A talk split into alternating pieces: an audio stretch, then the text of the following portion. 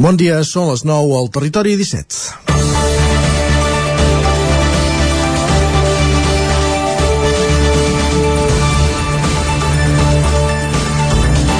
que l'antic centre cultural de la desapareguda Caixa Manlleu de Manlleu aculli a part del curs vinent un cicle formatiu de grau superior en dietètica de la Universitat de Vic no només és una bona notícia, sinó que culmina, encara que inicialment pugui semblar que de forma discreta, una reivindicació històrica de l'Ajuntament de Manlleu, que la Universitat de Vic i anteriorment els estudis universitaris tinguessin presència a la ciutat. Va haver-hi una primera concreció l'any 2016 amb el lligam entre el Centre d'Estudis dels Rius Mediterranis i la Universitat, però ara es fa un pas més. La UBIC tindrà presència física a la ciutat de Manlleu amb un cicle formatiu, amb el qual més endavant se n'hi sumarà un segon a més d'un centre de formació contínua. Aquest fet és, aquest fet és transcendent perquè hi ha palanques i tenir estudis universitaris n'és una que en una lògica de llarg termini són transformadores. Per dos motius. D'una banda, perquè al centre de Manlleu li cal de forma urgent un revulsiu i instal·lar-hi activitat pot ser-ho. Però d'altra banda, també per una qüestió de concep conceptual. La formació és una baula crucial de la cadena d'accions necessàries que fan prosperar una societat. Manlleu va sortir especialment castigada de la crisi financera de l'any 2008. Calen accions decidides per revertir una situació que amenaça d'enquistar-se. Que es concreti un projecte compartit entre agents varis i amb la participació de Vic, recordem que la presidenta de la Fundació Universitària Balmes és l'alcaldessa de Vic, és important per desterrar rivalitats estèrils. La Universitat de Vic, que ara celebrarà 20 25 anys, és dels projectes més transcendents desplegats a Osona durant les últimes dècades, que irradi d'activitat l'entorn immediat és positiu i que els projectes siguin compartits, a banda de l'Ajuntament de de Manlleu i l'UBIC ha estat clau al concurs de la Fundació Antiga Caixa Manlleu, titular de l'immoble on s'invertiran les places, els atorga major solidesa. Aquest és un camí que ara comença i que hauria de tenir un efecte contagi immediat al centre de la ciutat i futur quan a generar expectatives que dibuixin horitzons futurs més esperançadors per a Manlleu. És divendres, 1 d'abril de 2022. Arriba el cap de setmana i torna el fred, però també comença el Territori 17 a la sintonia d'Ona Codinenca, la veu de Sant Joan, Ràdio Cardedeu, Ràdio Vic, el 9 FM i el 9 TV. Territori 17, amb Isaac Moreno i Jordi Sunyer.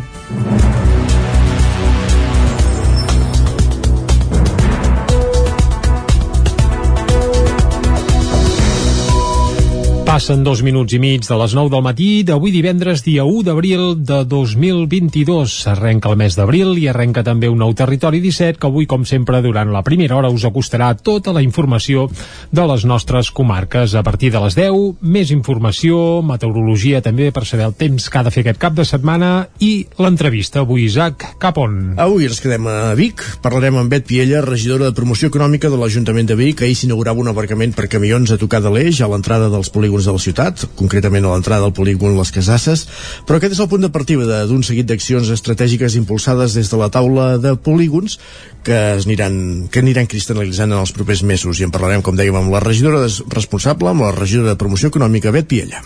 Doncs això serà cap a un quart d'onze del matí. A dos quarts serà el moment de passar per les piulades, posar-hi una mica d'humor, repassarem després portades del 99.cat, anirem a la taula de redacció i tot seguit parlarem d'esports. És el torn de l'agenda esportiva s'acosta el cap de setmana i volem saber quins seran els compromisos i els partits més interessants del cap de setmana pels equips de les nostres comarques, del Vallès Oriental, del Moianès, d'Osona i del Ripollès. A les 11 en punt actualitzarem de nou el butlletí informatiu i tot seguit, música, que és divendres. Ens acompanyarà Jaume Espull, Puny, com cada divendres amb un dels clàssics, amb una de les joies de la seva discoteca. Avui, possiblement, amb veu de dona. Veurem, veurem què arriba. Ep, aviam, pararem bé l'orella, va.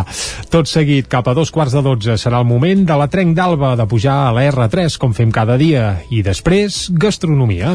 A la Foc Lent avui deixarem que ens sorprengui la Caral Campàs, des d'una codinenquia. Ella, d'entrada, d'entrada, que sapiguem no es posarà els fogons, però és això, deixarem que ens sorprengui. Bé, si s'hi vol posar, també li deixem, eh? I si és per convidar-nos a halar, nosaltres ens hi apuntem sempre. I a la part final, a la traca final, el que farem com fem sempre els divendres, és fer una mica de repàs a l'agenda festiva i d'actes populars per aquest cap de setmana. I un cop fet una mica el repàs al que ens espera des d'ara i fins a les 12 del migdia, el que ens toca és arrencar i fer-ho com sempre, acostant-vos l'actualitat de casa nostra. Ja ho sabeu, l'actualitat de les comarques del Ripollès, Osona, el Moianès i el Vallès Oriental. La Universitat de Vic començarà a impartir docència a Manlleu. Ho farà a partir del curs que ve a l'antic edifici del Centre Cultural de Caixa Manlleu i el que s'hi ofertarà serà un cicle formatiu de grau superior en dietètica. A l'edifici de l'antic Centre Cultural de Manlleu, actualment en obres, és on el curs vinent s'hi desplegarà el nou cicle formatiu en grau superior de dietètica.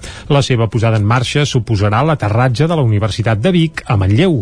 D'entrada s'habilitaran dues plantes amb una superfície total de 904 metres quadrats distribuïts entre la planta baixa i el primer pis.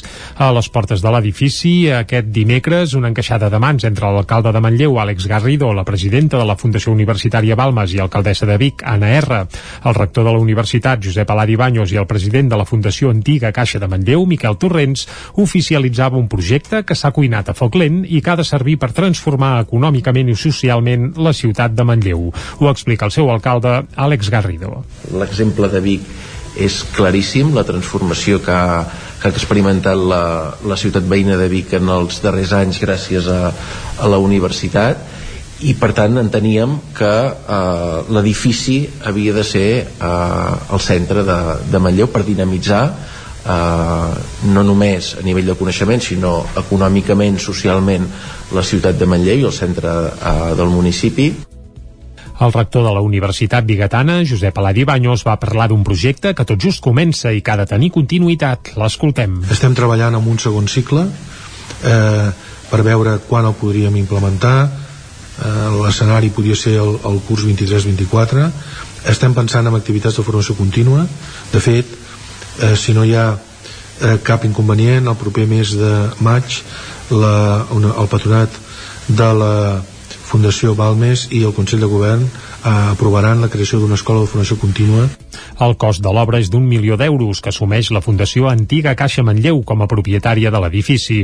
Les obres van començar a principis de març i està previst que acabin aquest estiu. El curs, amb una trentena de places, i arrencarà a partir del setembre.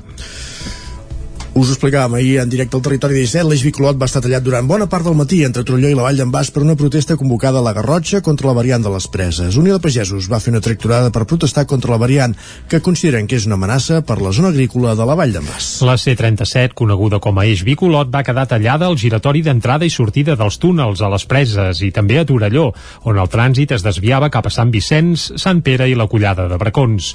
A mig matí, però, amb l'increment de trànsit, la carretera de la Bola també va quedar tallada tallada perquè un camió s'hi va entrevessar. La, la circulació de la C-37 aleshores es va desviar cap a la C-17 en direcció a Ripoll per accedir a la Garrotxa a través dels túnels de Capsa Costa. Mentre va durar la protesta, a l'eix Bicolot, entre Torelló i les Preses, els pagesos van anar reobrint el trànsit durant 15 minuts cada hora. I més talls de circulació. Aquest dijous al vespre s'ha hagut de tallar la carretera entre Vic i Callatenes per culpa d'un camió que ha perdut la càrrega de carn. La calçada ha quedat plena de tripes d'animal. La carretera entre Vic i Call d'Atenes es va haver de tallar ahir a tres quarts de vuit del vespre quan un camió carregat amb restes de carn va perdre tota la càrrega. Les restes d'animal van quedar a sobre la calçada i ocupaven els dos carrils durant una quinzena de metres. No hi va haver ferits, però els Mossos van tallar el trànsit i van desviar els vehicles per passos alternatius fins que es va poder retirar la carn de la carretera ja ben entrada aquesta matinada. 20, 26 detinguts, tots de Vic, excepte un a l'Hospitalet de, Llobregat, de Llobregat per un cas d'usurpació d'identitat en un operatiu de la Policia Nacional que va culminar a principis d'aquest mes de març. La majoria dels detinguts són titulars de targetes d'identitat que les llogaven a altres persones d'origen estranger per poder anar a demanar feina. El lloguer de la documentació es feia a persones amb característiques físiques similars a la del titular de la documentació. La investigació va començar quan es va detectar un augment de treballadors estrangers en empreses càrnies d'Osona on anaven a demanar feina feina. Fons policials apunten que van fer cap a empreses del polígon Malloles de Vic i també a l'antiga explaça de Santa Eugènia de Berga per fer comprovacions en relació a la documentació que hi presentaven aquestes persones. Entre els detinguts n'hi ha de nacionalitat ganesa, senegalesa, nigeriana, de l'Índia i també del Pakistan. En l'operació es van intervenir 28 documents d'identitat i passaports, quatre dels quals serien manipulats o falsificats. La causa ha quedat repartida en diferents jutjats de Vic. Més qüestions, anem cap al Moianès per posar-nos al dia de la situació de la pandèmia, ja que augmenten els casos de Covid-19 en aquesta comarca. El Moianès ha registrat un repunt en el nombre de casos amb 94 positius detectats l'última setmana. Caral Campàs, des d'Ona Codinenca. La taxa de reproducció de la pandèmia és de 0,89 punts i l'índex de risc de rebrot puja per sobre dels 1.300 punts. Es trenca la tendència de les últimes setmanes pel que fa a l'evolució de casos nous detectats per la Covid-19 al Moianès. Tot i això, a Moià es redueixen lleugerament el nombre de contagis nous que queden en 36, 4 menys que la setmana anterior. L'índex de risc de rebrot a la capital és de 879 punts i la taxa de reproducció de la pandèmia és de 0,71. Als pobles més petits de la comarca, els brots detectats la setmana passada han augmentat en 19 casos a Monistol de Calders, 10 a Santa Maria d'Oló i 8 a Calders. També augmenten els casos a l'Estany amb 5 positius més que la setmana anterior. En canvi, a Castellterçol sol suma 10 casos, dos menys que la setmana anterior i repeteix la, la tendència de Mollà. Així doncs, s'accentua la tendència de la setmana passada i mentre als pobles més grans es redueixen contagis, en els pobles de menys habitants va en augment. L'única eh, excepció és Collsospina, on no s'ha detectat cap positiu aquesta setmana. Gràcies, Caral, i del Moianès cap al Ripollès perquè Esquerra demana que els privats puguin utilitzar l'antic edifici de l'escorxador per fer-hi activitats. Estem parlant de Sant Joan de les Abadesses. La veu de Sant Joan, Isaac Muntades. Isaac. El grup municipal d'Esquerra Republicana de Catalunya de Sant Joan de les Abadeses va plantejar a l'equip de govern de l'Ajuntament el debat de si s'hauria de permetre que els privats puguin utilitzar l'edifici de l'antic escorxador, situat a darrere del pavelló poliesportiu, per fer-hi activitats o qualsevol mena d'esdeveniment. El portaveu republicà, Sergi Albric, va repassar què deia el reglament i va apuntar que es cobriria una necessitat existent al poble. Així de grans trets, ara qui pot fer ús de l'escorxador són entitats sense ànim de lucre i si no recordem el text, bàsicament són per temes culturals culturals, socials i a més a més que tinguin un cert ressò públic per dir-ho d'alguna manera. Sí que ens consta que hi ha hagut privats, i això ho hem d'una altra vegada, que s'han interessat doncs, per fer ús de l'escorxador. Proposem, que a proposar és que estaria bé modificar el reglament d'ús de l'escorxador perquè, per exemple, un privat pugui fer ús de l'escorxador i la diferència amb una entitat, per exemple, pot ser o no, i això es pot valorar, és que doncs, evidentment s'hagi d'assumir una, una taxa d'ús, vull dir, això no estaria potser uh, malament, i evidentment a part de, dels diners de fiança que t'haurem de fer servir a les entitats. L'edil d'Esquerra va assegurar que li constava que el consistori havia hagut de dir que no a molts privats perquè el reglament no ho permet i va insistir a modificar-lo perquè ho puguin fer servir, com per exemple passa al Palau de l'Abadia per fer-hi casaments. L'alcalde Sant Joaní, Ramon Roquer, va subratllar que és cert que tenen molta demanda de privats i que les activitats augmentarien exponencialment. El Batlle va dir que la seva filosofia era no entrar realment a atendre aquesta demanda privada. Entenent que han de ser altres espais que han de cobrir aquestes demandes i allò que contempla el governança i és que l'ús dels equipaments públics es puguin utilitzar per les entitats o per tots aquells actes privats que puguin ser oberts i públics, que jo crec que això és important, eh? tot i que puguin ser privats, siguin oberts al públic, ja teníem tot aquell tipus d'actes i esdeveniments doncs, que podia tenir sentit que es fessin un equipament públic. El que vostè demana, evidentment, és, és un canvi radical de concepte i és una cosa que sí que ha sortit diverses vegades, que nosaltres mai hem acabat de veure clar. Roquer va detallar que els hi han arribat a demanar el camp de futbol i que per la iniciativa privada és un luxe utilitzar espais públics per fer-hi activitats. El BRIC va insistir en que s'estudiés la proposta i que, evidentment, es prioritzessin les entitats del poble a l'hora de cedir els espais, però que l'Ajuntament havia de donar una resposta com a administració pública. I a Osona, el grup Vinyes, dedicat a la producció de carn de boví, ha invertit 2 milions d'euros en la construcció d'una nova depuradora d'alta tecnologia a la zona del Bruguer de Vic. Pot depurar fins a 500 metres cúbics al dia d'aigües residuals. El grup Vinyes, una empresa biguetana dedicada a la producció de carn de boví, ha invertit 2 milions d'euros en una nova depuradora que servirà per tractar les aigües residuals del propi escorxador, situat a l'illa Càrnia de Vic. El creixement del grup i la legislació cada cop més exigent va fer que l'empresa es plantegés impulsar la nova depuradora que actualment té capacitat per tractar 500 metres cúbics al dia d'aigües residuals. Un dels objectius és aconseguir la petjada neutra mediambiental de tot el grup càrnic. Ho detalla Josep Vinyes, que és el director general del grup Vinyes. Tant des de les granges com a l'escorxador el que intentem o anem és això, és eh, eliminar el residu, o sigui, abocar una aigua neta i bueno, ens plantegem, hi ha, hi ha projectes doncs, de cara eh, o nous projectes o noves idees a cara doncs, a tot el residu que encara, que encara generem a reciclar-lo via planta de biogàs. La nova depuradora del grup Vinyes aplica un complet tractament físic, químic i biològic de les aigües residuals. També utilitza unes innovadores membranes d'ultrafiltració i està esperant l'arribada d'un cargol deshidratador de fangs buscant la màxima eficiència. Les innovacions a l'empresa conviuen amb la crisi de preus i abastiment de matèries primeres i energia. Ho explica Josep Vinyes. Crec personalment que aquí hi ha molta especulació i aviam, estem jugant amb les coses de menjar i llavors eh, aquí, no sé, penso que algú ha de prendre mesures perquè, perquè això no passi. Abans de la visita a les instal·lacions, on hi van ser presents l'alcaldessa de Vic, Anna R, i el president del Consell Comarcal d'Osona, Joan Carles Rodríguez, els responsables del grup Vinyes van fer una presentació del projecte a la seu de l'empresa. I l'organització del Carnaval de Terra Endins a Torelló espera poder celebrar l'edició de l'any vinent en les dates habituals del mes de febrer. De moment, aquest dimecres es va tancar el Carnaval amb el tradicional enterrament de la sardina. Tot i la pluja, la comitiva va poder fer el recorregut habitual, es va poder tornar al Falatell a les autoritats municipals i es va cremar el cos del difunt a la plaça Vella. Un cop trobat el cadàver del rei Carnestoltes sota la burra dels picats, els pescallunes li van poder oferir els seus respectes a la capella ardent, que es va situar al Teatre Sirvianum. Desafiant també la pluja, el carro fúnebre va traslladar el taüt i el rei cap al seu últim destí, en la darrera jornada del Carnaval de Terra Endins. El seguici estava encapçalat pel bisbe Nicolau, les autoritats, les ploraneres i tothom que li volia donar l'últim adeu, i tots van iniciar el recorregut al ritme de la marxa fúnebre interpretada per la sensafònica.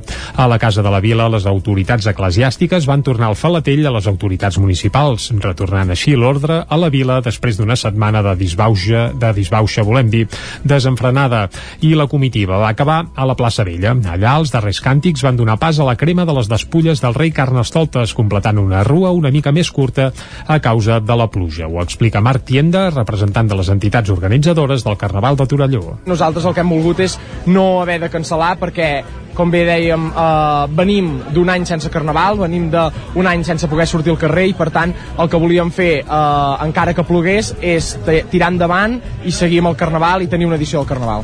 L'enterrament de la sardina posava punt i final a un carnaval del qual se'n fa una valoració molt positiva. Escoltem a Marc Tienda. Creiem que hem fet una bona feina, que, que podem seguir endavant tirant el carnaval i, i creiem que dins els petites coses que hi van haver eh, hi han coses a millorar però hi han coses que s'han fet bé i per tant creiem que la valoració és positiva la, hi ha una bona rebuda de la gent i dels carrossaires i de les entitats, per tant eh, seguim endavant. Un cop cremat el rei Carnestoltes, tots els assistents van poder gaudir d'una sardinada popular, això sí, sota la pluja. L'any que ve, amb el Carnaval de nou pel febrer, des de l'organització esperen que les precipitacions siguin només de confeti. Acabem aquí aquest repàs informatiu que començàvem a les 9 en companyia de Jordi Sunyer, Isaac Muntades, Caral Campàs i Núria Lázaro. El territori 17 s'avança. Tot seguit és moment de conèixer la previsió meteorològica.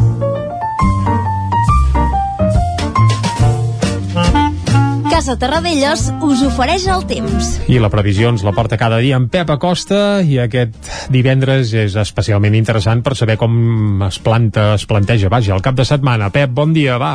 Comença la informació del temps, Exacte. ho fem, anem -hi. uh, sobretot uh, informant uh -huh. d'unes temperatures molt baixes aquest matí, uh, pròpies de d'un mes de, de gener o, o de febrer i a més un mes de gener o de febrer fred, eh? un dia fred del mes de gener. Mínimes entre 0 i 5 graus a la majoria de les poblacions. 3, 4 sota 0 als cims més alts del Montseny. Uh, i a partir d'uns 1.000 metres glaçades importants a tot el Pirineu. Uh, situació complicada a muntanya cuidado aquest cap de setmana si heu d'anar a, a muntanya perquè la situació serà complicada, serà complexa. Uh, i és que el dia d'avui serà un dia uh, que serà ja diferent que el d'ahir.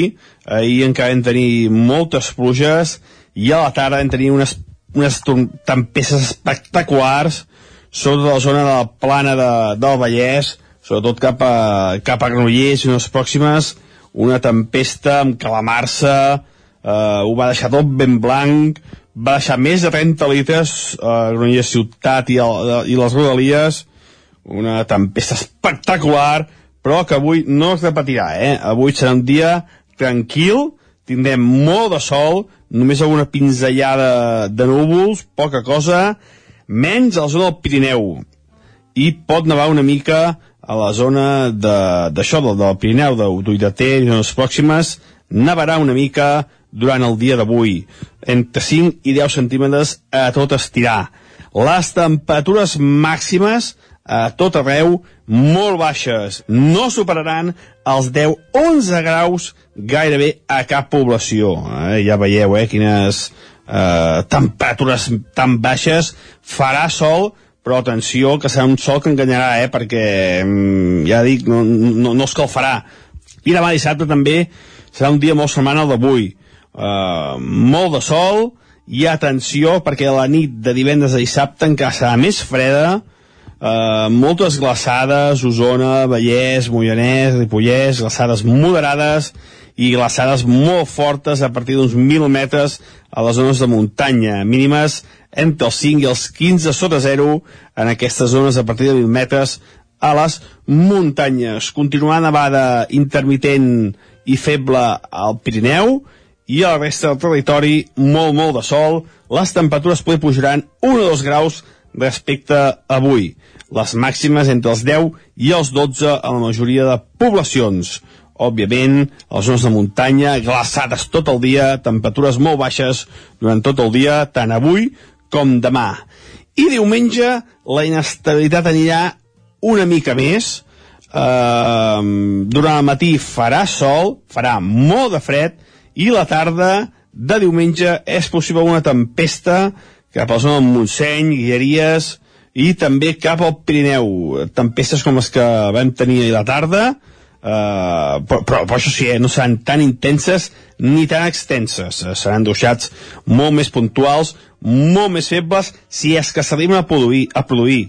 Eh, hi ha la possibilitat, no és segur que es produeixin, però sí que hi ha la possibilitat que hi hagi tempestes, sobretot cap a la zona del Montseny, a prop del Montseny, és on més probabilitat hi ha que hagin aquestes tempestes diumenge a la tarda continuar aquesta entrada vent de nord i continuarà el fred eh, les temperatures no pujaran per sobre dels 10-12 graus normalment diumenge i les mínimes de dissabte diumenge també serà una nit glacial, una nit de gener i no pas d'abril. I això és tot, eh, disfrutar aquest cap de setmana, el primer cap de setmana del mes d'abril, que serà més semblant al mes de gener o de febrer que no pas al mes d'abril.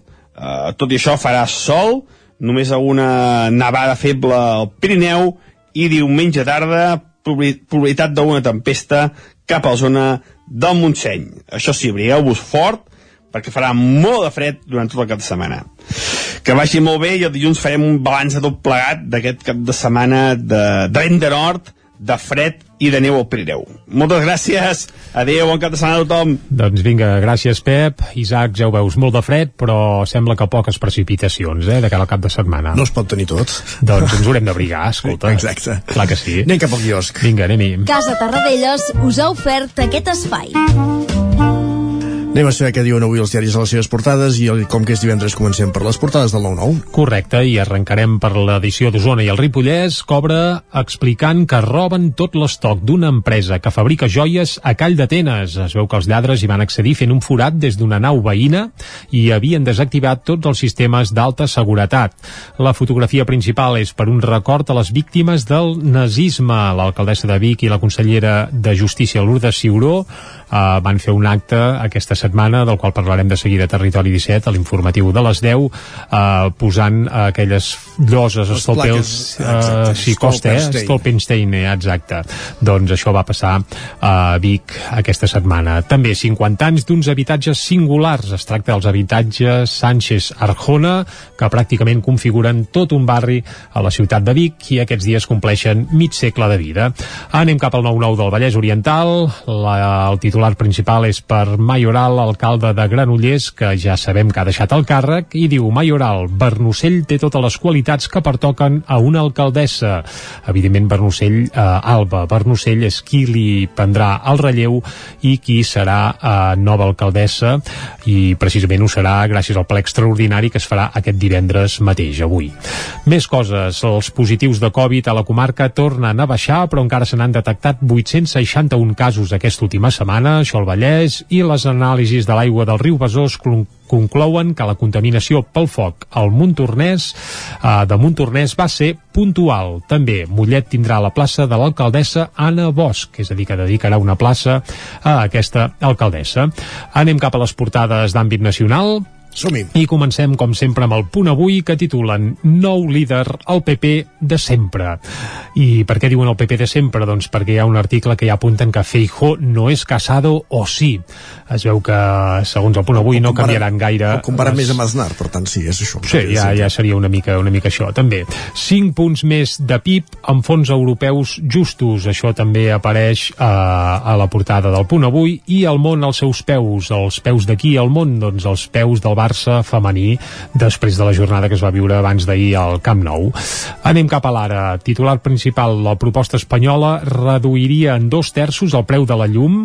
Espanya i Portugal proposen a Brussel·les posar un topall de 30 euros eh, al gas, 30 euros al metre, bé, al bat, o no sé com s'ha de dir en el, en el tema de gasístic, eh? El dièsel s'encareix un 2,2% per l'escassetat i supera per primera vegada la gasolina. Si veu cap a una benzinera, veureu que el dièsel ja fa uns quants dies que val més que la gasolina sense plom, cosa que no havia passat mai. També Miró pel davant i pel darrere. La Fundació de l'Artista organitza una gran mostra a partir del llegat deixat pels hereus del famós pintor.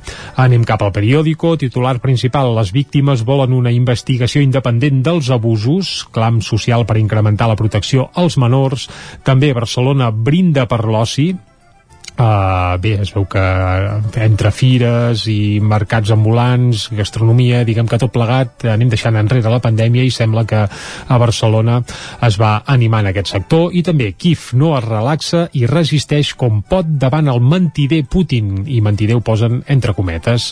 A l'avantguàrdia, el govern espanyol proposa a la Unió Europea un límit dràstic al preu del gas i també Salut alerta que l'alt preu de la llum pot afectar l'atenció sanitària.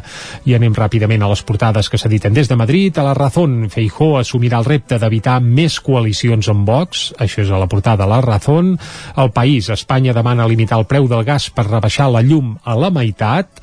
A El Mundo, el 80% dels votants del PP veuen Feijó el millor possible per presidir-lo, és a dir, ells mateixos ja, Estan com a votants del PP, doncs Estan estan, convençuts que Feijó és fantàstic.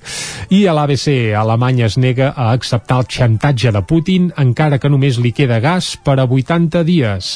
I també a la portada de l'ABC, Feijó designa una número 2 per cobrir la seva absència al Congrés. Això són les portades d'avui. Doncs va, llegides les portades, anem a fer una pausa i tornem. Fins ara. El nou FM, la ràdio de casa, al 92.8. La vida i la naturalesa han portat Ernest Gingó a crear el seu primer disc i tu el pots ajudar a fer-lo realitat. Busca Seguint la Natura a la pàgina web Verkami i podràs fer la teva aportació econòmica a canvi del disc i d'alguns instruments artesanals que ha construït amb el seu pare, fuster de professió. Ajuda l'Ernest Gingo a fer realitat aquest primer disc que fa un viatge musical per la connexió amb la naturalesa. I un sentiment. Cobertes serveis funeraris. Els nostres tanatoris estan ubicats en els nuclis urbans més poblats de la comarca d'Osona per oferir un millor servei. Tanatori de Vic, Tanatori de Manlleu, Tanatori de Centelles i Tanatori de Roda de Ter. Sabem que són moments difícils i per això el nostre compromís és atendre-us en tot moment amb un tracte humà, sensible i respectuós. Cobertes serveis funeraris. Telèfon 24 hores 93 883 23 46. Això és el que s'escolta al voltant d'una caldera saunia d'Oval. Tranquilitat i benestar, perquè gaudeix del millor manteniment del servei tècnic oficial per estar despreocupat.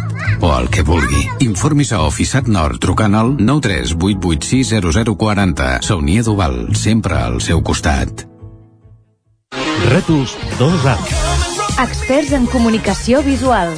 Rètols, banderoles, vinils, impressió, plaques gravades, senyalització, displays... Rètols Dos Art. Ja són 25 anys al vostre servei. Ens trobareu a la carretera de Vic a Olot número 7, al polígon Malloles de Vic. dosartvic.com Telèfon 93 889 2588. Vols aprendre anglès i viure una experiència inoblidable? Estades per a joves a Irlanda, classes d'anglès i un munt d'activitats, allotjats en família o en residència i convivint sempre amb joves d'altres països. També classes per adults i programes per a tota la família. Tures Language and Travel, especialistes en Irlanda des de 1994. Més informació a tures.cat. Cocodril Club. Si t'agrada la bona música dels anys 60, 70 i 80, escolta el 9 FM els matins de dissabtes i diumenges d'11 a 1.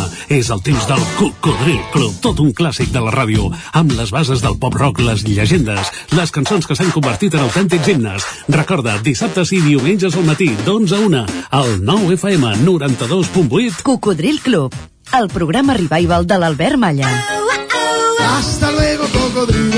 Anuncia't al 9FM. La màquina de casa. 9 3 8 8 9 4 9 4 9. Publicitat arroba al 9FM.cat. Anuncia't al 9FM. La publicitat més eficaç. En punt dos quarts de 10 al territori 17. Territori 17, amb Isaac Moreno i Jordi Sunyer.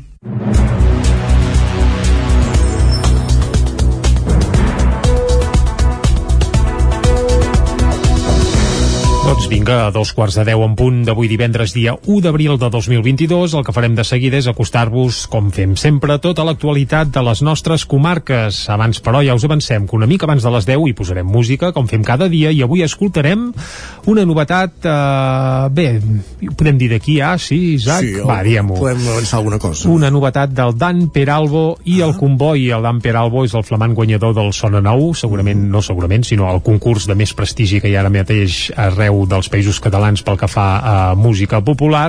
Pots treure el més prestigi, és el concurs que hi ha... Sí, bé, no, n'hi ha d'altres, n'hi ha d'altres. Eh? Aquesta setmana mateix descobríem el Carquinyoli Festival, que es recupera a Vic, i que serà un festival, Festival, i que té d'àmbit nacional i a més també molt llaminer. Molt Però vaja, conclusió, escoltarem el Dan Peralbo primer, perquè, per què? Doncs perquè estrenarem una peça de, de les noves que, que ha facturat aquests darrers dies i a més a més perquè avui, a partir de les 10 del vespre, actua la Jascava de Vic. Va, doncs això, Dan Peralbo abans de les 10. A les 10 més notícies, més informació i tot seguit a l'entrevista, Isaac, tampoc ens mourem gaire de Vic avui, eh? Avui parlarem amb la regidora de promoció econòmica de l'Ajuntament de Vic, Bet Piella. Ahir s'inaugurava un aparcament per camions a tocar de l'eix, a l'entrada del polígon Les Casasses, però aquest és el punt de partida d'un seguit d'accions estratègiques impulsades des de la taula dels polígons, que detallarem amb la regidora a partir d'un quart d'onze. A dos quarts serà el moment de les piulades, tot seguit passarem per la taula de redacció i després parlarem d'esports. L'agenda esportiva del cap de setmana dels equips i els esportistes de les nostres comarques la detallarem just abans de les 11. A les 11, més informació, actualitzant butlletí informatiu i tot seguit ens visitarà en Jaume Espuny. Amb una de les joies de la seva discoteca, amb un dels clàssics musicals que ens acosta cada divendres aquí al Territori 17. I avui crec que ens has avançat abans que serà en veu de dona, potser. Bueno, ho he fet una mica temeràriament? Ah, Però val, vaja, val, val. Sí, sí. Doncs bé, estarem al cas, va, estarem al cas i pararem bé l'orella. Va, a dos quarts de dotze pujarem com cada dia al tren, a la Trenc d'Alba, per saber quines són les darreres novetats de la línia R3, on sempre hi ha incidents, i acabarem a la recta final parlant de gastronomia, Avui a la Foc Lent, amb la Caral Campàs des d'Ona Codinenca, parlarem amb una nutricionista, amb la Marta Ramos, nutricionista de Caldes, i coneixerem, doncs, els secrets d'una bona alimentació. i després de passar per la gastronomia, el que farem és acabar amb l'agenda. Una agenda marcada, per exemple, aquest cap de setmana per la Fira de les 40 hores que torna a la normalitat a Ripoll. Doncs vinga, fira de 40 hores i alguns carnavals encara aquest cap de Algun, setmana algun també. queda. Algun, Sí, sí. algun en queda. Va, això ho repassarem a la part final del programa. Ara el que toca és acostar-vos de nou tota l'actualitat de casa nostra. Ja ho sabeu, l'actualitat de les comarques del Ripollès, Osona, el Moianès i el Vallès Oriental.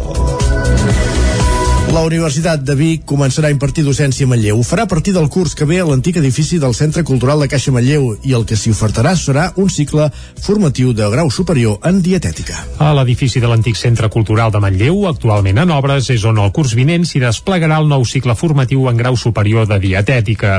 La seva posada en marxa suposarà l'aterratge de la Universitat de Vic a Manlleu.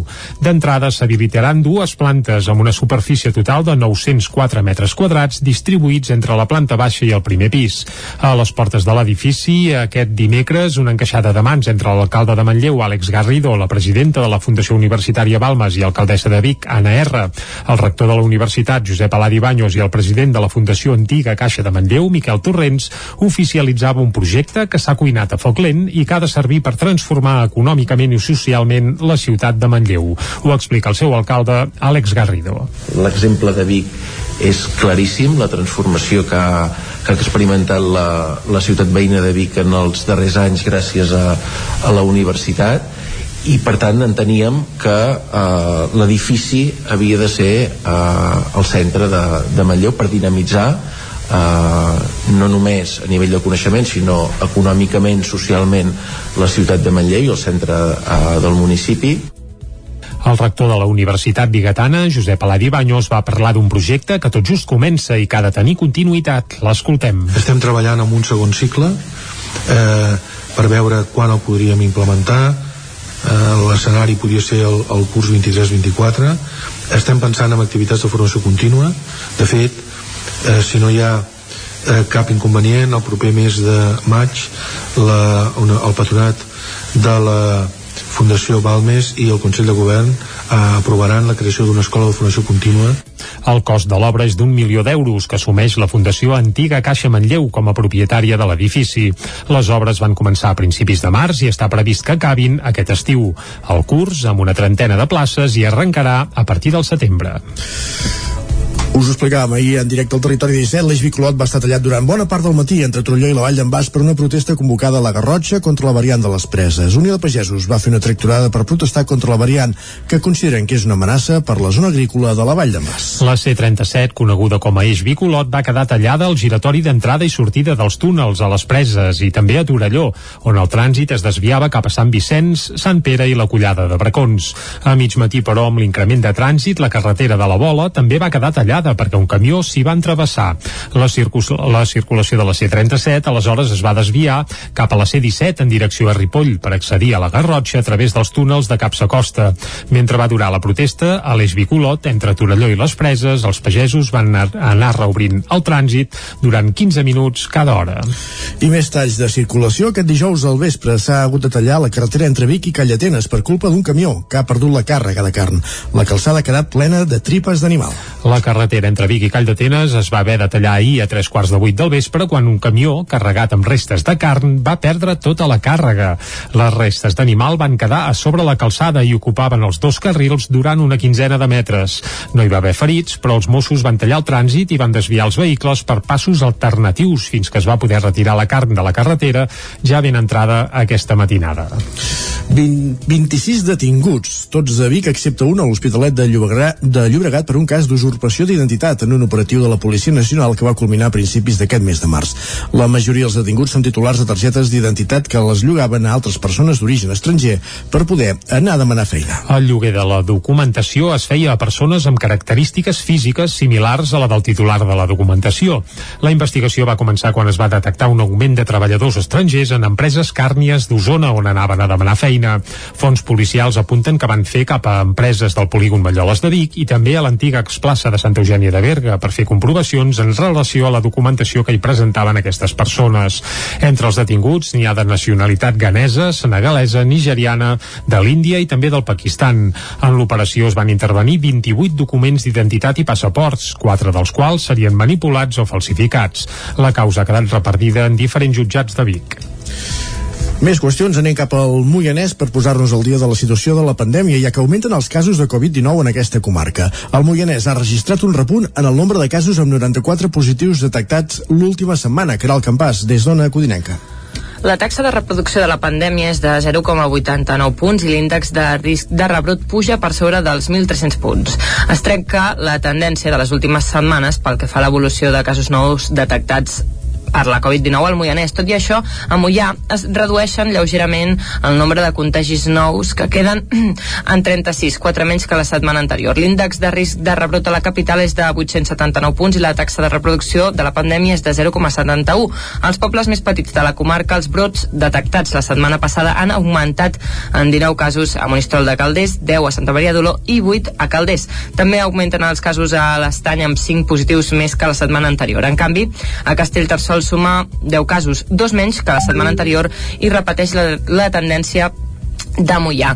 Així doncs s'accentua la tendència de la setmana passada i mentre als pobles més grans es redueixen contagis, en els pobles de menys habitants va en augment. L'única eh, excepció és Collsospina, on no s'ha detectat cap positiu aquesta setmana.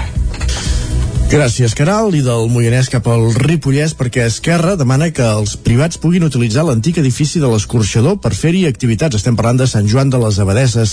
La veu de Sant Joan, Isaac Muntades.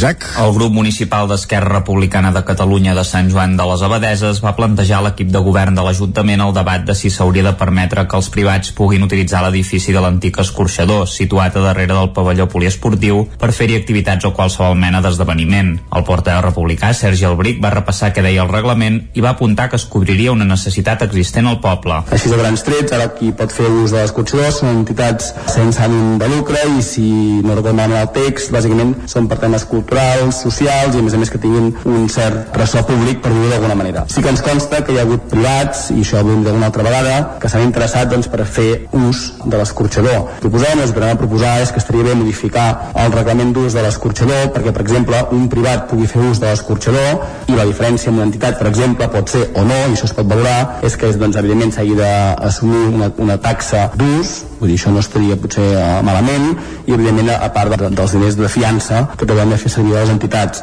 La DIL d'Esquerra va assegurar que li constava que el consistori havia hagut de dir que no a molts privats perquè el reglament no ho permet i va insistir a modificar-lo perquè ho puguin fer servir, com per exemple passa al Palau de l'Abadia per fer-hi casaments. L'alcalde Sant Joaní, Ramon Roquer, va subratllar que és cert que tenen molta demanda de privats i que les activitats augmentarien exponencialment. El Batlle va dir que la seva filosofia era no entrar realment a atendre aquesta demanda privada. Entenem que han de ser altres espais que han de cobrir aquestes demandes i allò que contempla l'ordenança i és que l'ús dels equipaments públics es puguin utilitzar per les entitats o per tots aquells actes privats que puguin ser oberts i públics, que jo crec que això és important, eh? tot i que puguin ser privats, siguin oberts al públic, ja teníem tot aquell tipus d'actes i esdeveniments doncs, que podia tenir sentit que es fessin en equipament públic. El que vostè demana, evidentment, és, és un canvi radical de concepte i és una cosa que sí que ha sortit diverses vegades, que nosaltres mai hem acabat de veure clar. Roquer va detallar que els hi han arribat a demanar el camp de futbol i que per la iniciativa privada és un luxe utilitzar espais públics per fer-hi activitats. El BRIC va insistir en que s'estudiés la proposta i que, evidentment, es prioritzessin les entitats del poble a l'hora de cedir els espais, però que l'Ajuntament havia de donar una resposta com a administració pública. I a Osona, el grup Vinyes, dedicat a la producció de carn de boví, ha invertit 2 milions d'euros en la construcció d'una nova depuradora d'alta tecnologia a la zona del Bruguer de Vic. Pot depurar fins a 500 metres cúbics al dia d'aigües residuals. El grup Vinyes, una empresa biguetana dedicada a la producció de carn de boví, ha invertit 2 milions d'euros en una nova depuradora que servirà per tractar les aigües residuals del propi escorxador, situat a l'illa Càrnia de Vic. El creixement del grup i la legislació cada cop més exigent va fer que l'empresa es plantegés impulsar la nova depuradora que actualment té capacitat per tractar 500 metres cúbics al dia d'aigües residuals. Un dels objectius és aconseguir la petjada neutra mediambiental de tot el grup càrnic. Ho detalla Josep Vinyes, que és el director general del grup Vinyes. Tant des de les granges com a l'escorxador el que intentem o anem és això, és eh, eliminar el residu, o sigui, eh, abocar una aigua neta i bueno, ens plantegem, hi ha, hi ha projectes doncs, de cara eh, o nous projectes o noves idees a cara doncs, a tot el residu que encara, que encara generem a reciclar-lo via planta de biogàs. La nova depuradora del grup Vinyes aplica un complet tractament físic, químic i biològic de les aigües residuals. També utilitza unes innovadores membranes d'ultrafiltració i està esperant l'arribada d'un cargol deshidratador de fangs buscant la màxima eficiència. Les innovacions de l'empresa conviuen amb la crisi de preus i abastiment de matèries primeres i energia. Ho explica Josep Vinyes. Crec personalment que aquí hi ha molta especulació i aviam, estem jugant amb les coses de menjar i llavors eh, aquí, no sé, penso que algú ha de prendre mesures perquè, perquè això no passi. Abans de la visita a les instal·lacions, on hi van ser presents l'alcaldessa de Vic, Anna R, i el president del Consell Comarcal d'Osona, Joan Carles Rodríguez, els responsables del grup Vinyes van fer una presentació del projecte a la seu de l'empresa. I l'organització del Carnaval de Terra Endins de Torelló espera poder celebrar l'edició de l'any vinent en les dates habituals del mes de febrer. De moment, aquest dimecres es va tancar el Carnaval amb el tradicional enterrament de la sardina. Tot i la pluja, la comitiva va poder fer el recorregut habitual, es va poder tornar al Falatell a les autoritats municipals i es va cremar el cos del difunt a la plaça Vella. Un cop trobat el cadàver del rei Carnestoltes, sota la burra dels picats, els pescallunes li van poder oferir els seus respectes a la capella ardent, que es va situar al Teatre Sirvianum. Desafiant també la pluja, el carro fúnebre va traslladar el taüt i el rei cap al seu últim destí, en la darrera jornada del Carnaval de Terra Endins. El seguici estava encapçalat pel bisbe Nicolau, les autoritats, les ploraneres i tothom que li volia donar l'últim adeu, i tots van iniciar el recorregut al ritme de la marxa fúnebre interpretada per la sensafònica. A la Casa de la Vila, les autoritats eclesiàstiques van tornar al falatell a les autoritats municipals, retornant així l'ordre a la vila després d'una setmana de disbauxa, de disbauxa, volem dir, desenfrenada, i la comitiva va acabar a la plaça Vella. Allà, els darrers càntics van donar pas a la crema de les despulles del rei Carnestoltes, completant una rua una mica més curta a causa de la pluja. Ho explica Marc Tienda, representant de les entitats organitzadores del Carnaval de Torelló. Nosaltres el que hem volgut és no haver de cancel·lar perquè, com bé dèiem, eh, venim d'un any sense Carnaval, venim d'un any sense poder sortir al carrer i, per tant, el que volíem fer, eh, encara que plogués, és tirar endavant i seguir amb el Carnaval i tenir una edició del Carnaval. L'enterrament de la sardina posava punt i final a un Carnaval del qual se'n fa una valoració molt positiva. Escoltem a Marc Tienda. Creiem que hem fet una bona feina, que, que podem seguir endavant tirant el Carnaval i, i creiem que dins les petites coses que hi van haver eh, hi han coses a millorar però hi han coses que s'han fet bé i per tant creiem que la valoració és positiva la, hi ha una bona rebuda de la gent i dels carrossaires i de les entitats, per tant eh, seguim endavant. Un cop cremat el rei Carnestoltes, tots els assistents van poder gaudir d'una sardinada popular, això sí, sota la pluja. L'any que ve, amb el Carnaval de nou pel febrer, des de l'organització esperen que les precipitacions siguin només de confeti. Acabem aquí aquest repàs informatiu que començàvem a les 9 en companyia de Jordi Sunyer, Isaac Muntades, Caral Campàs i Núria Lázaro. El territori 17 s'avança. Tot seguit és moment de conèixer la previsió meteorològica. Casa Terradellos us ofereix el temps. I la previsió ens la porta cada dia en Pep Acosta i aquest divendres és especialment interessant per saber com es planta, es planteja, vaja, el cap de setmana. Pep, bon dia, va. Comença la informació del temps, Exacte. ho fem, Anem-hi, anem-hi. uh, sobretot uh, informant uh Mhm. -huh. d'unes temperatures molt baixes aquest matí, uh, pròpies de d'un mes de, de gener o, o de febrer i a més un mes de gener o de febrer fred, eh? un dia fred del mes de gener. Mínimes entre 0 i 5 graus a la majoria de les poblacions. 3, 4 sota 0 als cims més alts del Montseny. Uh, i a partir d'uns 1.000 metres glaçades importants a tot el Pirineu. Uh, situació complicada muntanya cuidado aquest cap de setmana si heu d'anar a, a muntanya perquè la situació serà complicada, serà complexa. Uh, i és que el dia d'avui serà un dia uh, que serà ja diferent que el d'ahir. Ahir encara vam tenir moltes pluges i a la tarda vam tenir unes, unes tempestes espectaculars sobretot la zona de la plana de, del Vallès sobretot cap a, cap a Granollers i unes pròximes una tempesta amb calamarsa eh, ho va deixar tot ben blanc va deixar més de 30 litres a Granollers ciutat i, el, i les rodalies una tempesta espectacular però que avui no es repetirà eh? avui serà un dia tranquil tindrem molt de sol només alguna pinzellada de núvols poca cosa menys a la zona del Pirineu i pot nevar una mica a la zona d'això, de, del, Pirineu, d'Uidater i les pròximes, nevarà una mica durant el dia d'avui, entre 5 i 10 centímetres a tot estirar.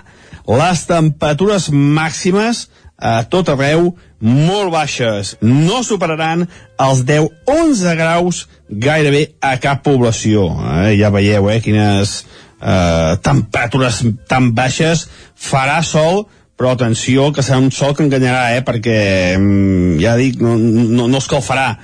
I demà dissabte també serà un dia molt semblant al d'avui. Uh, molt de sol, i atenció perquè la nit de divendres a dissabte encara serà més freda, Uh, moltes glaçades, Osona, Vallès, Moianès, Ripollès, glaçades moderades i glaçades molt fortes a partir d'uns 1.000 metres a les zones de muntanya, mínimes entre els 5 i els 15 sota zero en aquestes zones a partir de 1.000 metres a les muntanyes. Continuarà nevada intermitent i feble al Pirineu i a la resta del territori molt, molt de sol. Les temperatures poder pujaran 1 o 2 graus respecte a avui. Les màximes entre els 10 i els 12 a la majoria de poblacions. Òbviament, a les zones de muntanya, glaçades tot el dia, temperatures molt baixes durant tot el dia, tant avui com demà.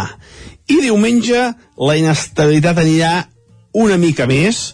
Uh, durant el matí farà sol, farà molt de fred, i la tarda de diumenge és possible una tempesta cap a la zona del Montseny, Guilleries i també cap al Pirineu. Tempestes com les que vam tenir ahir la tarda, eh, però, però, però això sí, eh, no seran tan intenses ni tan extenses. Eh, seran duixats molt més puntuals, molt més febles, si és que s'arriben a produir. A produir.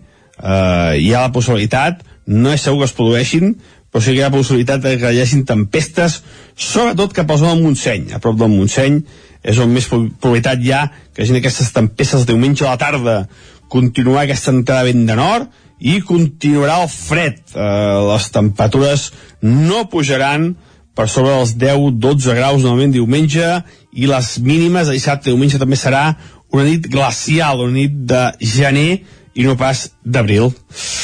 I això és tot, eh, disfrutar aquest cap de setmana, el primer cap de setmana del mes d'abril, que serà més semblant al mes de gener o de febrer que no pas al mes d'abril. Uh, tot i això farà sol, només alguna nevada feble al Pirineu i diumenge tarda probabilitat d'una tempesta cap a la zona del Montseny. Això sí, abrigueu-vos fort perquè farà molt de fred durant tot el cap de setmana. Que vagi molt bé i el dilluns farem un balanç de tot plegat d'aquest cap de setmana de, de vent de nord de fred i de neu al Pirineu. Moltes gràcies, adeu, bon cap de setmana a tothom. Doncs vinga, gràcies Pep. Isaac, ja ho veus, molt de fred, però sembla que poques precipitacions, eh, de cara al cap de setmana. No es pot tenir tot. Doncs ens haurem d'abrigar, escolta. Exacte. Clar que sí. Anem cap al quiosc. Vinga, anem-hi. Casa Tarradellas us ha ofert aquest espai. Anem a saber què diuen avui els diaris a les seves portades i com que és divendres comencem per les portades del 9-9. Correcte, i arrencarem per l'edició d'Osona i el Ripollès, cobra explicant que roben tot l'estoc d'una empresa que fabrica joies a Call d'Atenes. Es veu que els lladres hi van accedir fent un forat des d'una nau veïna i havien desactivat tots els sistemes d'alta seguretat. La fotografia principal és per un record a les víctimes del nazisme. L'alcaldessa de Vic i la consellera de Justícia, Lourdes Ciuró, eh, van fer un acte aquesta setmana, del qual parlarem de seguida a Territori 17, a l'informatiu de les 10, eh, posant uh, aquelles lloses, estolpels, uh, sí, costa, eh? Stolpenstein, eh, exacte. Doncs això va passar a Vic aquesta setmana. També 50 anys d'uns habitatges singulars. Es tracta dels habitatges Sánchez Arjona, que pràcticament configuren tot un barri a la ciutat de Vic i aquests dies compleixen mig segle de vida. Anem cap al 9-9 del Vallès Oriental. La, el titular principal és per Mayoral, alcalde de Granollers, que ja sabem que ha deixat el càrrec, i diu Mayoral, Bernocell té totes les qualitats que pertoquen a una alcaldessa. Evidentment, Bernocell, eh, Alba Bernocell és qui li prendrà el relleu i qui serà eh, nova alcaldessa i precisament ho serà gràcies al ple extraordinari que es farà aquest divendres mateix, avui. Més coses, els positius de Covid a la comarca tornen a baixar, però encara se n'han detectat 861 casos aquesta última setmana, això al Vallès, i les anàlisis de l'aigua del riu Besòs conclouen que la contaminació pel foc al Montornès eh, de Montornès va ser puntual. També Mollet tindrà la plaça de l'alcaldessa Anna Bosch, és a dir, que dedicarà una plaça a aquesta alcaldessa. Anem cap a les portades d'àmbit nacional Som-hi. I comencem, com sempre, amb el punt avui que titulen Nou líder al PP de sempre. I per què diuen el PP de sempre? Doncs perquè hi ha un article que ja apunten que Feijó no és casado o sí. Es veu que, segons el punt avui, no canviaran gaire... Ho comparen més amb Aznar, per tant, sí, és això. Sí, ja, ja seria una mica, una mica això, també. 5 punts més de PIB amb fons europeus justos. Això també apareix eh, a la portada del punt avui. I el món als seus peus. Els peus d'aquí al món, doncs els peus del Barça femení després de la jornada que es va viure abans d'ahir al Camp Nou. Anem cap a l'ara. Titular principal, la proposta espanyola reduiria en dos terços el preu de la llum. Espanya i Portugal proposen a Brussel·les posar un topall de 30 euros eh, al gas, 30 euros al metre, bé, al bat, o no sé com s'ha de dir en el, en el tema de gasístic, eh? El dièsel s'encareix un 2,2% per l'escassetat i supera per primera vegada la gasolina. Si veu cap a una benzinera, veureu que el dièsel ja fa uns quants dies que val més que la gasolina sense plom, cosa que no havia passat mai. També Miró pel davant i pel darrere. La Fundació de l'Artista organitza una gran mostra a partir del llegat deixat pels hereus del famós pintor. Anem cap al periòdico, titular principal, les víctimes volen una investigació independent dels abusos, clam social per incrementar la protecció als menors, també Barcelona brinda per l'oci, Uh, bé, es veu que entre fires i mercats ambulants, gastronomia, diguem que tot plegat, anem deixant enrere la pandèmia i sembla que a Barcelona es va animar en aquest sector i també Kif no es relaxa i resisteix com pot davant el mentider Putin i mentider ho posen entre cometes. A l'avantguàrdia, el govern espanyol proposa a la Unió Europea un límit dràstic al preu del gas i també Salut alerta que l'alt preu de la llum pot afectar l'atenció sanitària. I anem ràpidament a les portades que s'editen des de Madrid. A la Razón, Feijó assumirà el repte d'evitar més coalicions amb Vox. Això és a la portada La Razón. El País, Espanya demana limitar el preu del gas per rebaixar la llum a la meitat. A El Mundo, el 80% dels votants del PP veuen Feijó el millor possible per presidir-lo, és a dir, ells mateixos ja, estan com a votants del PP, doncs estan, estan convençuts que Feijó és fantàstic. I a l'ABC, Alemanya es nega a acceptar el xantatge de Putin, encara que només li queda gas per a 80 dies. I també a la portada de l'ABC, Feijó designa una número 2 per cobrir la seva absència al Congrés. Um, M'al·lucina aquest, aquest sistema que tenen aquests diaris de Madrid, en aquest cas és el Mundo, eh, que ja coneix l'opinió dels votants del PP. Clar, és, és que són molt espavilats, jo, home. jo no sabria distingir un votant del PP, però, bueno, no, aquí, aquí viu potser sí que el sabria distingir, eh, però vas pel carrer no sabria distingir un votant de qualsevol partit i ells ja els troben i saben Però és que no, calcular el percentatge és que, que, que és que ja els tenen, els tenen a la redacció ja, Ah, clar, clar, ja sí, ras i curt es miren el Malik i en, bé, oh, tant és i en parlen. Molt bé. fet aquest apunt, deixem el PP anem a coses més serioses o, o no, eh, parlem de música, va, i parlem segurament d'una de les eh, bé, ja podem dir de, de les formacions amb més projecció que hi ha ara mateix al país.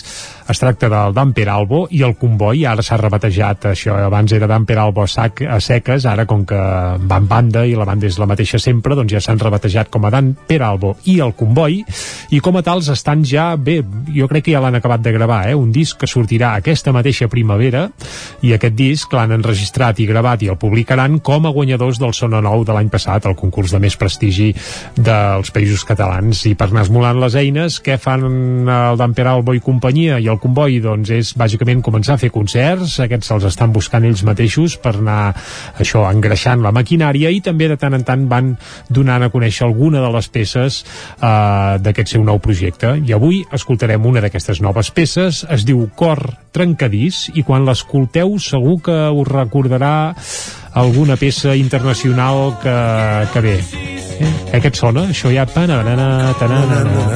doncs sí, sí, doncs sí, sí. L'adaptació. Bé, és, ja, ja, és, és un, una, adap- deixem una adaptació i que tothom ho agafi com vulgui. Aquesta peça es pot trobar a un EP que s'ha publicat a les plataformes. L'EP es titula Immaculada Concepció i en aquest EP hi ha peces com aquest cor trencadís que sonarà de ben segur avui a les 10 del vespre a la Jascava de Vic on actuarà el Dan Peralbo i el Comboi. Ara fins al punt de les 10 ens quedem amb aquest cor trencadís. Va. Mentrestant, tot allò que trobo em fa sentir genial. M'escolta de pensar que semblo estar casat. Com més voltes li dono em fa posar malalt i tu saps si em provoques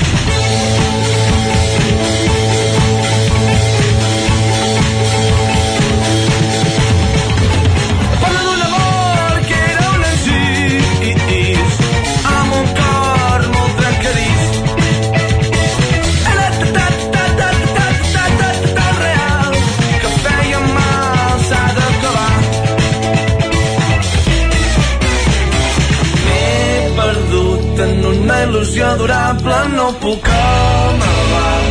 Tu que m'utilitzes no puc suportar. Fem-en uns matolls.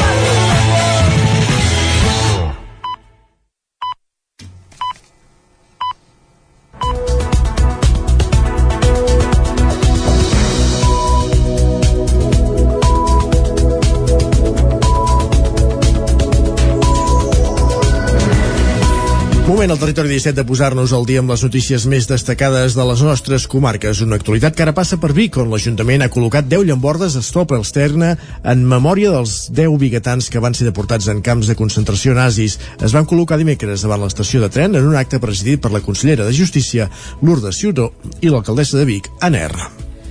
en Remir Badia, en Joaquim Delgado, en Carles Franquesa, en Josep Franquesa, en Miquel Gudiol, l'Artur Piqué, en Joan Rodríguez, en Lluís Serradell, en Felicià Tona i en Josep Verdaguer. Aquesta és la veu de la consellera de Justícia, Lourdes Ciuró, llegint el nom dels 10 biguetans que van ser deportats en camps de concentració nazis, sis dels quals, a més, van ser assassinats. I per recordar-los i homenatjar-los, dimecres l'Ajuntament de Vic va col·locar 10 pedres a Stolpersteine a la plaça de l'estació, en un emotiu acte que més va comptar amb la presència d'alguns dels familiars d'aquests deportats. Escoltem a Ramona Tona, filla de Felicià Tona, un republicà que va morir a un camp de concentració. Quan jo tenia 14 anys me vaig enterar doncs, que el meu pare havia mort en un camp de concentració perquè a nosaltres quan érem petits hi havia un guàrdia civil que sempre ens preguntava d'on estava mi padre. I d'on estava mi padre, d'on estava mi padre. I la meva mare rentava la roba per una casa de senyors i la sacava a casa meva i la portava amb aquest carnisser. I deien que és que la meva mare anava a portar la roba amb el meu pare perquè el meu pare estava amagat eh, i clar, ens deien doncs, que érem uns rojos I, I republicans com el pare de la Ramona van rebre un homenatge que perdurarà en el temps gràcies a les llambordes a Stoppersteine. El director del Memorial Democràtic de la Generalitat, Vicenç Villatoro, que després de l'acte va oferir una conferència sobre els camins de l'exili, també va ser a la plaça de l'estació i va parlar del simbolisme d'aquestes pedres. Escoltem a Villatoro. En cadascuna d'aquestes pedres, pedres per ensopegar, hi ha un nom, hi ha una data i es posen en un lloc. Això és la nostra manera de desfer una part d'allò que volien fer i van fer els camps de concentració nazis. Els camps de concentració nazis, per damunt de tot, el primer que necessitaven, el primer que feien, era treure-li cada persona la seva individualitat. Tenia un nom, li posaven un número. Anava vestit d'una manera, li posaven eh, una, un uniforme. Deixaven de ser persones i passaven a ser coses. I podien fer tot el que feien des, després perquè els havien convertit en coses. Les activitats de memòria democràtica a Vic no s'acaben amb la col·locació de les llambordes. També s'han programat exposicions, espectacles i una ruta guiada sobre biguetans víctimes de l'Holocaust que es farà el proper 8 de maig. Dimecres van acabar les cinc jornades de vaga convocades pels sindicats d'ensenyament. Segons Ustec Estès, en els dos dies de vaga d'aquesta setmana a Osona, el seguiment s'ha situat per sota de la mitjana catalana. El xifren en el 20%. L'adhesió més important a la vaga a la comarca, com a la resta del país, va ser el primer dia d'aturada, el 15 de març, quan a Osona l'aturada s'hauria situat al voltant del 40% segons Ustec. Des del sindicat consideren que la protesta ha servit per mostrar el desacord del col·lectiu i visibilitzar també les seves reivindicacions. Això sí, també apunten que des del departament, de moment, no se'ls ha acabat de fer cas. Ho explica Densi Penedès, delegat a la Catalunya Central a Osona del sindicat Ustec Estès. La resposta de la conselleria mm, des de l'USEC ens sembla inacceptable perquè nosaltres, eh, com ja sabeu, eh, portem eh, 10 anys patint aquestes, aquestes retallades que en principi havien de ser conjunturals degudes a una situació de crisi i això ho hem acabat com s'ha acabat com acceptant eh, que era la nostra, les, que era formava part de les nostres condicions de treball. Llavors, eh, a partir d'aquí, eh, aquest malestar eh, fa que nosaltres amb, amb la conselleria els estiguem demanant eh, que les retallades no es, no es comencin a revertir d'aquí dos o tres anys, sinó que siguin pel curs vinent eh, siguin efectives. Després de les cinc jornades de vaga, els sindicats continuen molestos amb el departament i si no hi ha canvis, avancen que properament debatran noves mobilitzacions. L'Ajuntament de Sant Joan de les Abadesses encara no té clara la postura sobre què farà amb el carril bici del carrer de Ramon Durc. Isaac Muntades, des de la veu de Sant Joan. El carril bici que travessa el carrer Ramon Durc de Sant Joan de les Abadeses fins a la plaça Clavé continua generant polèmica. En el ple municipal de dimecres, el grup d'Esquerra Republicana de Catalunya va demanar a l'equip de govern quina resposta els havia de donar a les 931 persones que havien signat perquè es tragués i si es farien més actuacions en aquest sentit, ja que el pla de mobilitat elaborat per l'Ajuntament tenia diverses trames. L'alcalde de Moviment d'Esquerra, Ramon Roquer, va contestar que es tracta d'un tema complex i que encara no han contestat la sol·licitud perquè no tenen una posició clara i volen seguir-ne parlant amb els veïns. Roquer sí que va titllar d'ambigua la postura dels republicans. Els va recordar que havien signat a títol individual per la retirada del carril bici, però que ja havien vist dibuixat el carril a les reunions informatives fetes durant el 2021 i no havien expressat dubtes sobre la proposta. Roquer va retreure'ls que en general defensen aquest tipus d'actuacions i en l'àmbit local hi estan en contra. El portaveu republicà Sergi Albric va queixar-se dient que estaven a favor del carril bici, però no del lloc per on passava i que hi havia alternatives millors com el camí ral a darrere el camp de futbol o el carrer dels estudiants. La Dil d'Esquerra va dir que ja s'ho van trobar tot fet. A vostès ens convoquen, a mirar de les dates, un 16 de desembre, crec, dient que el dia 18, si no vaig errat, hi havia una reunió per explicar el carrer de bici. Assisteixen el senyor Josep Peralta i la Lluïsa Pérez. S'ensenya un projecte de carrer de bici que vostès ja havien aprovat prèviament per decret d'alcaldia, per tant que nosaltres no havíem aprovat mai. Quan se'ns ensenya aquest document hi ha diverses alternatives i per tant el que entenem és que en algun moment es debatrà i en parlarem perquè hi ha una mena d'exposició i que per tant que es parlaria però no era, un, era, un, era una reunió informativa no de sentiment, d'acceptació ni molt menys Roquer no es va mossegar la llengua i va deixar clar que l'equip de govern havia posat totes les facilitats als republicans perquè coneguessin el projecte. Vostès van assistir a una reunió ja al mes de novembre. Al mes de novembre no hi havia cap document aprovat, amb membres de l'AFA, en què es va parlar clarament del, del carril bici i en aquesta reunió al novembre ja hi havia membres del grup d'Esquerra Republicana. Mm, Senyora Lluïsa, crec que vostè hi era present. Nosaltres com a equip de govern els vam convidar, com vostè deia, el dia 16 a una reunió informativa exclusivament per Esquerra Republicana en què vostè em va dir que no els hi anava bé. Jo li vaig dir, tinc l'equip redactor, per tant podem explicar-los bé el pla de mobilitat i vostè em va dir, no ens va bé, en tot cas mirem si podem fer la reunió telemàtica. Vostès mai van trucar interessant-se per fer aquesta reunió telemàtica. L'alcalde va manifestar que a la reunió de l'AFA els pares reclamaven el carril bici però que eren conscients que portaria problemes. La regidora Elisenda Guillaumes, que forma part de l'AFA, va contestar-li que estaven a favor del carril bici, però que el seu posicionament no era passar pel carrer Ramon Durc. En tot cas, davant de quatre veïns contraris al carril bici que hi havia al públic, Roquer es va comprometre a seguir parlant i a no tancar cap porta. També va dir que per ara no s'allargaria el carril bici perquè no hi ha consens social al municipi. A banda, va puntualitzar que un carril bici és un espai que reserva la trama urbana per vehicles lleugers que s'ha de trobar fàcilment quan se surt de casa, i no tenia clar que les alternatives ho complissin.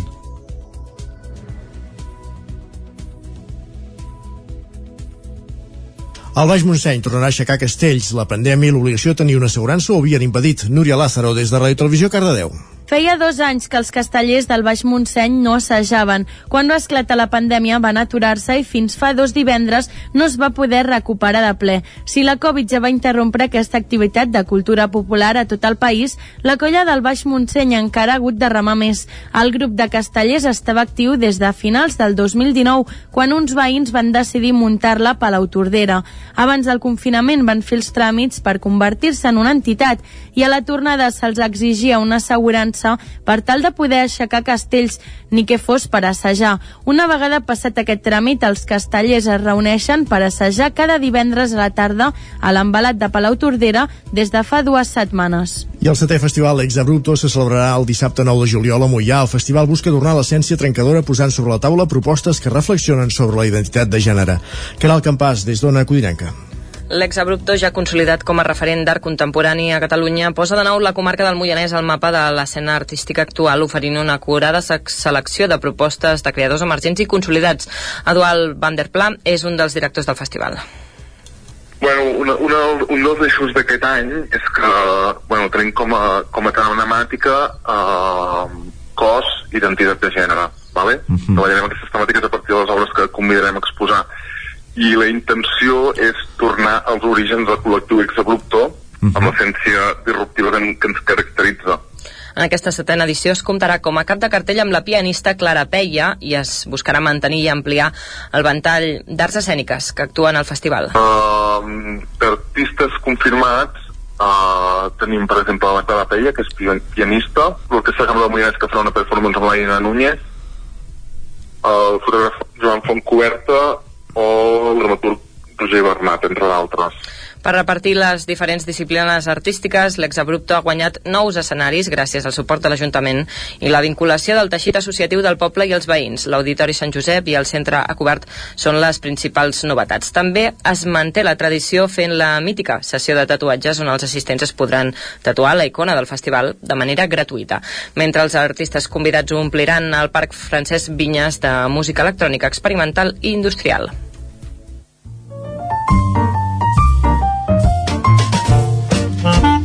Casa Terradellos us ofereix el temps. Doncs va, tornem a parlar amb el Pep Acosta que ens actualitzi la informació meteorològica en un cap de setmana on sembla que el fred serà el protagonista principal. Pep, salut, endavant. Comença la informació del temps eh, i és que el dia d'avui serà un dia eh, que serà ja diferent que el d'ahir. Ahir encara vam tenir moltes pluges i a la tarda vam tenir unes unes tempestes espectaculars sobretot a la zona de la plana de, del Vallès sobretot cap a, cap a Granollers i unes pròximes una tempesta amb calamarsa eh, ho va deixar tot ben blanc va deixar més de 30 litres a Granollers ciutat i, el, i les rodalies una tempesta espectacular però que avui no es repetirà eh? avui serà un dia tranquil tindrem molt de sol només alguna pinzellada de núvols, poca cosa, menys a la zona del Pirineu. I pot nevar una mica a la zona d'això, de, del, del Pirineu, d'Uidater i zones pròximes, nevarà una mica durant el dia d'avui, entre 5 i 10 centímetres a tot estirar. Les temperatures màximes a tot arreu molt baixes. No superaran els 10-11 graus gairebé a cap població.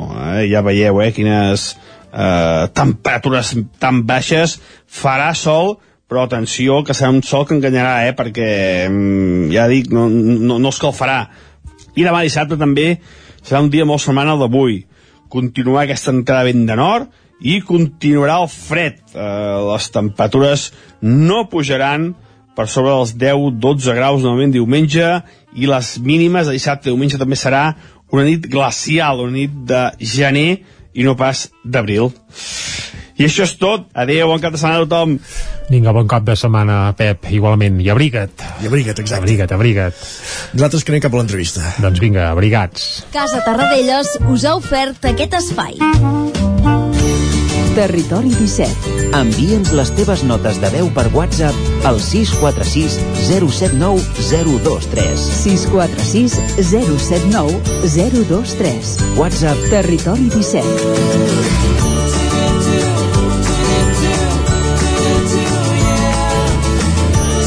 Territori 17. Som a Facebook, Twitter i Instagram amb l'usuari Territori 17.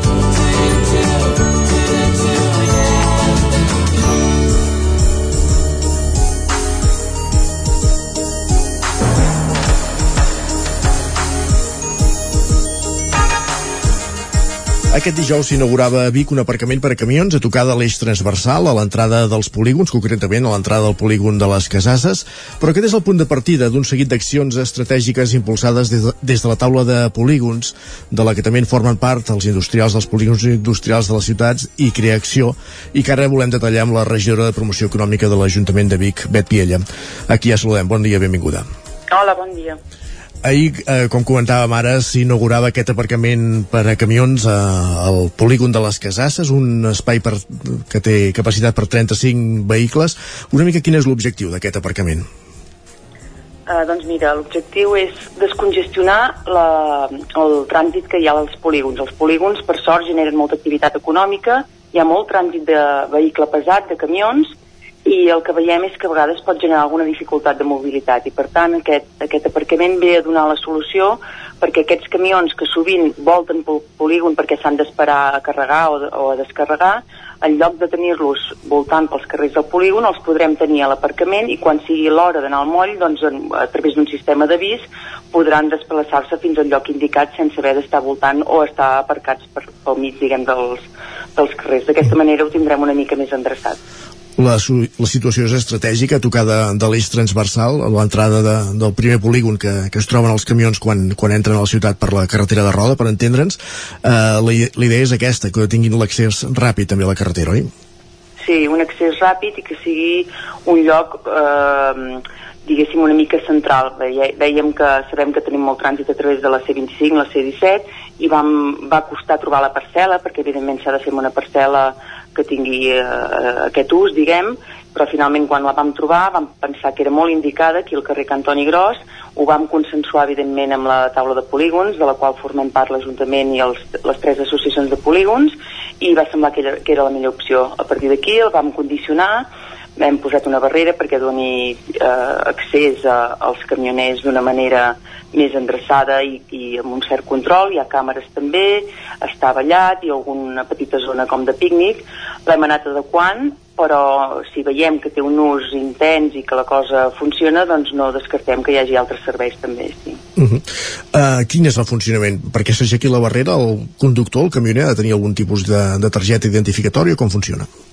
No, el, el, és com un pàrquing, ens hem d'entendre com un pàrquing convencional en què arriba l'usuari, treu un tiquet, se li obre la barrera, pot aparcar, pot estacionar, en aquest cas no haurà de pagar, és gratuït, i quan surt, doncs, a través de l'actor se li torna a obrir la barrera. Uh -huh. I el que hem fet és um, connectar aquest sistema que hem col·locat amb, uh, amb la centraleta que hi ha al pàrquing de l'Atlàntida, perquè en allà hi ha un servei 24 hores d'atenció i així sempre hi haurà algú que a l'altra banda de, de l'intèrfon, diguem, respon en cas de necessitat. Uh -huh.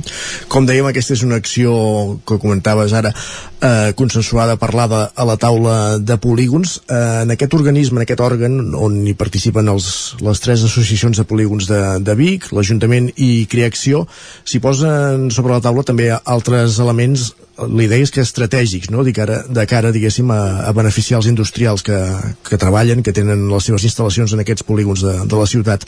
En podem detallar algunes. Una fa referència a la seguretat. Són càmeres de vigilància que es volen instal·lar abans de l'estiu.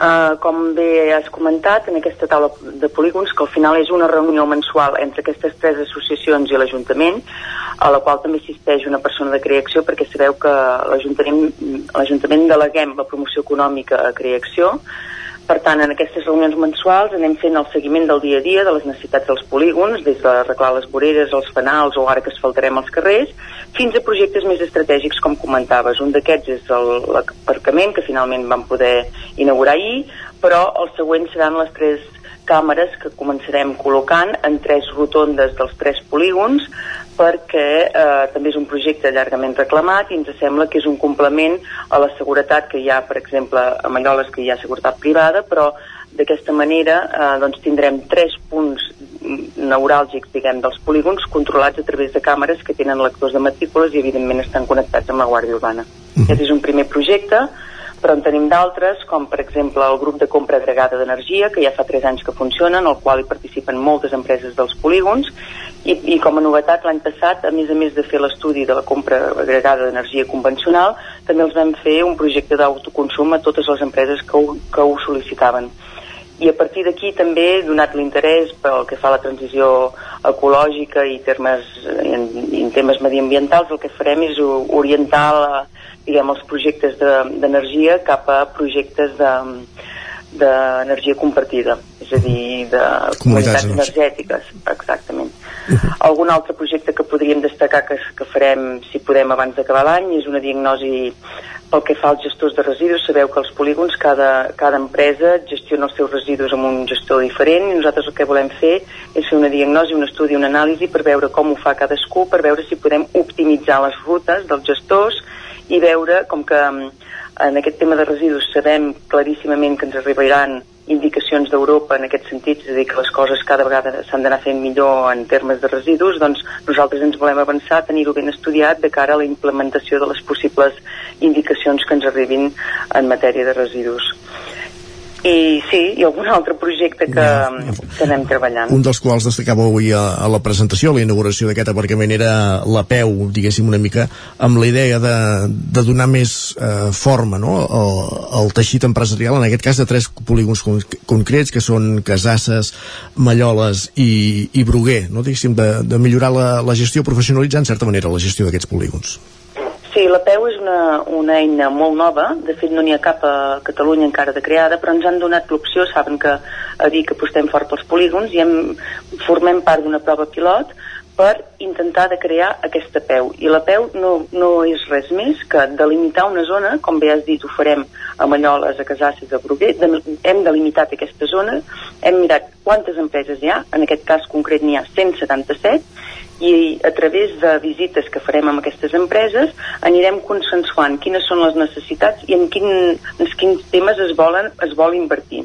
Quan tinguem consensuat exactament què volem fer, entre tots haurem de votar si ho tirem endavant o no, a través d'unes quotes, evidentment. Actualment ja hi ha una associació de polígons que eh, gestiona unes quotes dels socis de les empreses, però aquesta quota és voluntària. A partir d'ara el que fem és donar aquesta eina a l'associació perquè eh, totes les empreses i activitats d'aquesta zona que haurem delimitat puguin decidir si volen pagar la quota o si no la volen pagar. Si el 51% decideix que vol pagar aquesta quota per tirar endavant tots aquests projectes que s'hauran definit conjuntament, aleshores totes aquestes empreses d'aquesta zona delimitada hauran de pagar la quota i per tant serà reforçar la gestió que actualment s'està fent des de l'associació d'una manera així com de manera més, eh, que podríem dir, informal, és formalitzar-ho i professionalitzar-ho amb l'ajut de l'Ajuntament. Uh -huh.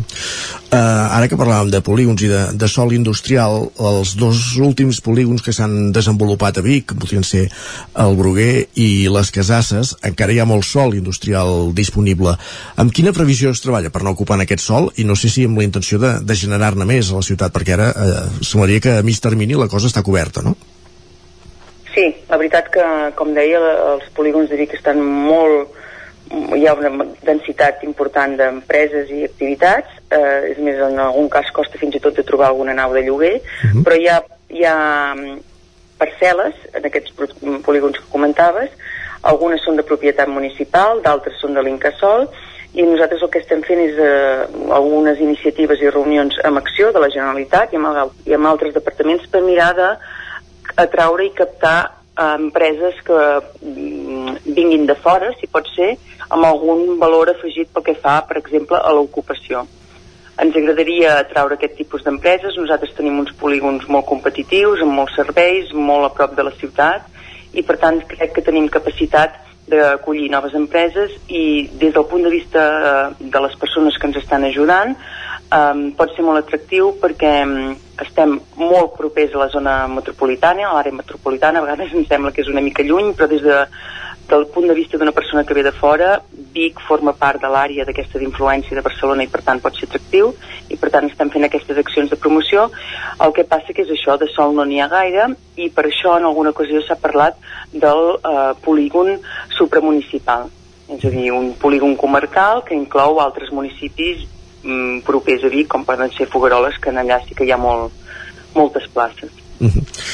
uh, aquests projectes per dotar, per atraure a Vic de, de, de projectes amb valor afegit encaixarien amb, amb la proposta del parc tecnològic uh, demanada des de la Càmera de Comerç, per entendre'ns? Sí, sí, sí, és, eh, encaixa perfectament, és a dir, des de la cambra, recordo concretament el dia de la cambra que ho van anunciar públicament, però nosaltres amb les converses que hem anat tenint eh, en som conscients, encaixa perfectament perquè nosaltres veiem que aquí a la comarca tenim una indústria molt potent, unes empreses molt competitives, però sí que és veritat que en algun cas ens convé fer un pas endavant pel que fa a la tecnologia, pel que fa a la transformació d'algun sector, per continuar sent competitius i llavors eh, creiem que aquest tipus d'empreses de valor afegit amb un tipus d'ocup- d'ocupació d'alta qualitat o de més qualificada aporten un valor que potser en algun cas aquí doncs, eh, diguem que en tenim mancança. Hem de mirar de trobar l'equilibri entre l'empresa tradicional que, i que igualment està fent el pas cap a la transformació tecnològica amb altres tipus d'empreses que puguin aportar valors diferents. I ja per acabar, ahir que es feia aquest acte d'inauguració del Porcament es va fer un altre acte als polígons industrials, en aquest cas va ser un reconeixement, un, un homenatge, un record a qui va ser un dels primers industrials que s'hi van instal·lar, president de l'Associació de- d'Empresaris del Polígon Malloles, en Juan José Ortega Castellano, mort ara fa poc més d'un any. Eh, això, se li va fer aquest homenatge i s'ha instal·lat una placa a l'entrada del polígon, s'ha plantat un roure eh, en record seu, una figura que calia reconèixer, oi? Sí, la veritat que va ser eh, justament en una taula de polígons parlant de, de com trobàvem a faltar l'Ortega, nosaltres li dèiem l'Ortega, el trobàvem molt a faltar, era una persona amb molta energia, amb un gran impuls i mm, realment la tasca que va fer, estic parlant de fa molts anys, va ser molt important perquè els polígons, els polígons fossin el que són ara.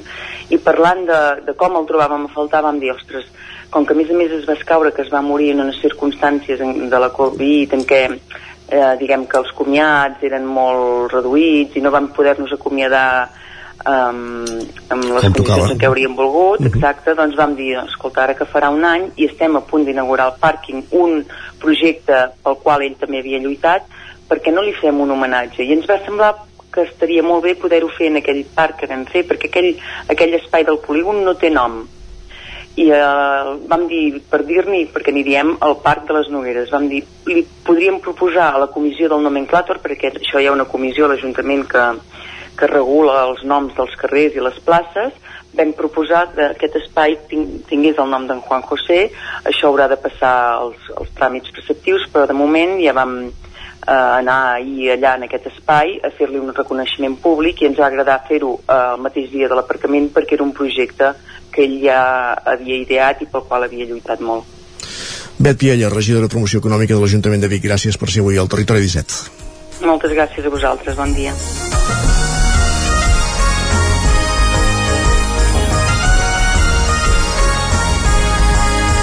I ara que estem al dia dels polígons de Vic, avancem en el territori 17. Tot seguit fem una petita pausa i després, ja ho sabeu, els continguts habituals de cada dia. Ens arriba en Guillem Sánchez amb les pilades més destacades que ha trobat a la xarxa de Twitter, taula de redacció, i després farem el repàs esportiu, el repàs de l'agenda esportiva al cap de setmana abans d'arribar al punt de les 11, on ens tornarem a actualitzar i després arribarà en Jaume Espuny amb una de les seves joies musicals, la, un dels clàssics musicals que ens presenta cada setmana en Jaume Espuny. Tot serà, per, com dèiem, a partir d'aquí 3 minuts. Fem una petita pausa i tornem de seguida. El nou FM, la ràdio de casa, al 92.8. A la rostisseria El Plat ens agrada la cuina de sempre, la de les àvies i de les mares, la cuina feta amb paciència com s'ha fet tota la vida. Vine a provar els nostres canelons gruixuts o els croquetons, les nostres croquetes de 80 grams i recupera el gust del pollastre a com els que es menjaven abans. Ah, i aprofita fins a finals de febrer 20% de descompte en els canelons i el pollastre. Rostisseria El Plat, encàrrecs fins a les 12 del migdia i servei a domicili. Ens trobaràs de dijous a diumenge al carrer Església número 6 de Taradell o al 93 135 58 85. Estàs afectat pel càrtel dels cotxes? Si vas comprar un cotxe entre el 2006 i el 2013, pots recuperar fins a un 15% del preu de compra. Contacta amb Puig de Canet Advocats i et tramitarem la reclamació en col·laboració amb Redi Advocats, un despatx d'abast estatal amb més de 40.000 afectats, sense pagaments, sense riscos i sense judicis. Només cobrem si tu cobres. Truca al 93 883 3223. Cobertes serveis funeraris. Els nostres tanatoris estan ubicats en els nuclis urbans més poblats de la comarca d'Osona per oferir un millor servei. Tanatori de Vic, Tanatori de Manlleu, Tanatori de Centelles i Tanatori de Roda de Ter. Sabem que són moments difícils i per això el nostre compromís és atendre-us en tot moment amb un tracte humà, sensible i respectuós. Cobertes serveis funeraris. Telèfon 24 hores 93 883 23 46. Ja tens la teva disfressa? Carnestoltes a Manli. Vine i demana'ns la disfressa que vulguis. Trobaràs un món de fantasia en disfresses i complements per al Carnestoltes. Hi ha uns preus especials. Som al carrer Ramon Soler, número de Vic, i també ens trobareu a manli.cat. Fem de la festa una bogeria. Una bogeria. Vols aprendre anglès i viure una experiència inoblidable? Estades per a joves a Irlanda, classes d'anglès i un munt d'activitats, allotjats en família o en residència i convivint sempre amb joves d'altres països. També classes per adults i programes per a tota la família. Tures Language and Travel, especialistes en Irlanda des de 1994. Més informació a tures.cat. Cocodril Club. Si t'agrada la bona música dels anys 60, 70 i 80, escolta el 9 FM als matins de dissabtes i diumenges d'11 a 1. És el temps del Cocodril Club, tot un clàssic de la ràdio, amb les bases del pop-rock, les llegendes, les cançons que s'han convertit en autèntics himnes. Recorda, dissabtes i diumenges al matí, d'11 a 1, al 9 FM 92.8. Cocodril Club, el programa revival de l'Albert Malla. Hasta luego, cocodrilo. Dos quarts d'onze al territori 17, entrem a l'univers Twitter.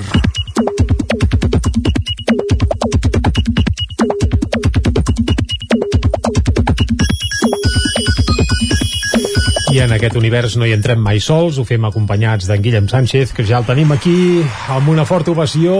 Vinga, et saludem i Vinga, et felicitem i alegria i empenta. Isaac, a què respon eh, avui No sé, aquesta... això del Twitter veig que aixeca les, les sí, sí, feres, eh? exacte, exacte, feres. és evident, és evident.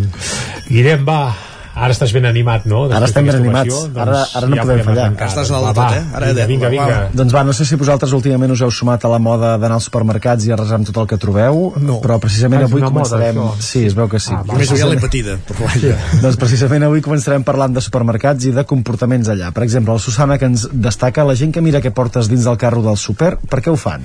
Per agafar idees, és cotilleo gratuït o són espies anti-ultraprocessats? Us hi heu trobat allò que vas per un passadís i que la gent va mirant què portes, què no portes, no? La veritat és que no, no, no, no ens hi fixem gaire, Ja em per sembla. feina tinc a trobar el que busco, que només, només faltaria haver de mirar els altres que fan. Alguns li han respost, eh, per això la pregunta de la Susana, com per exemple aquest usuari que diu gràcies per verbalitzar-ho, a mi em posa molt nerviós. Sempre tinc la tentació de dir tot això ho trobes a les lleixes.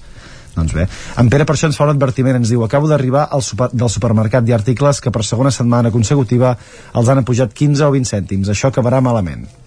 Sí, sí, sí. Bé, sí, 15 o 20 o 30 o 40. O 30 o 40. Sí, sí, sí. I la Vita per això ens fa una petició, no sabem si algú l'escoltarà, ens destaca si tingués llenties, dinaria llenties, però no hi havia absolutament cap llegum al supermercat. Rússia, fes el que vulguis, però no em treguis les llenties. Uh, hi ha Es fantàstics... altres llocs, clar, també, és el eh? que anava a dir, és que hi ha fantàstics establiments de... sobretot de, de, de, de llenties, uh, cigrons, que ja te'ls fan cuits i tot, i bé, no, no Pot direm anar allà, noms, també, però n'hi ha uns quants, i pot anar cap allà i li faran molt bé.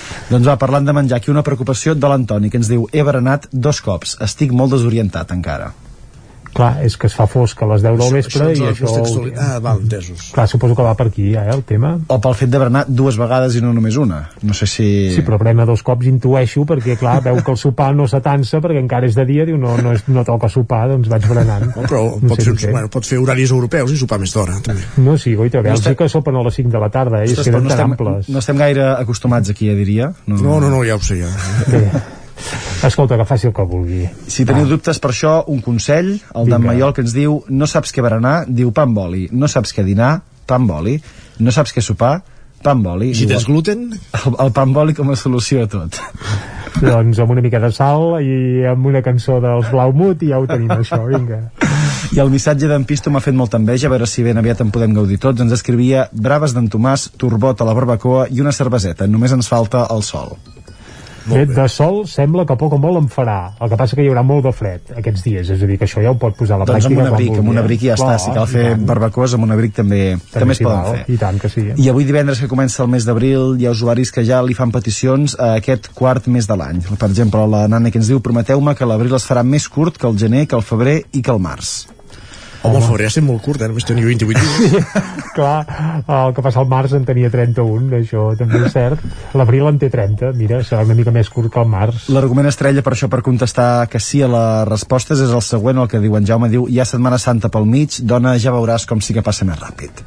Però la gràcia és que passin lents, no? I gaudir-los No al no màxim. sé. No sé, que cadascú el seu, però això, oh, que em passi de pressa, pim-pam, no, home, no, que passi a poc a poc i aprofitem puguem el temps i que el puguem gaudir bé.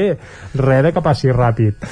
Però vaja, és com el territori 17, que passi a poc a poc, el païm bé i que, que disfrutem tots plegats, mica. clar que sí, vinga. Va, i la secció de piulades també a vegades ens serveix per resoldre dubtes lingüístics. Ens Aviam. demanen, ja és el segon cop que sento pantuflada a la ràdio. Ho dieu així o dieu plantofada?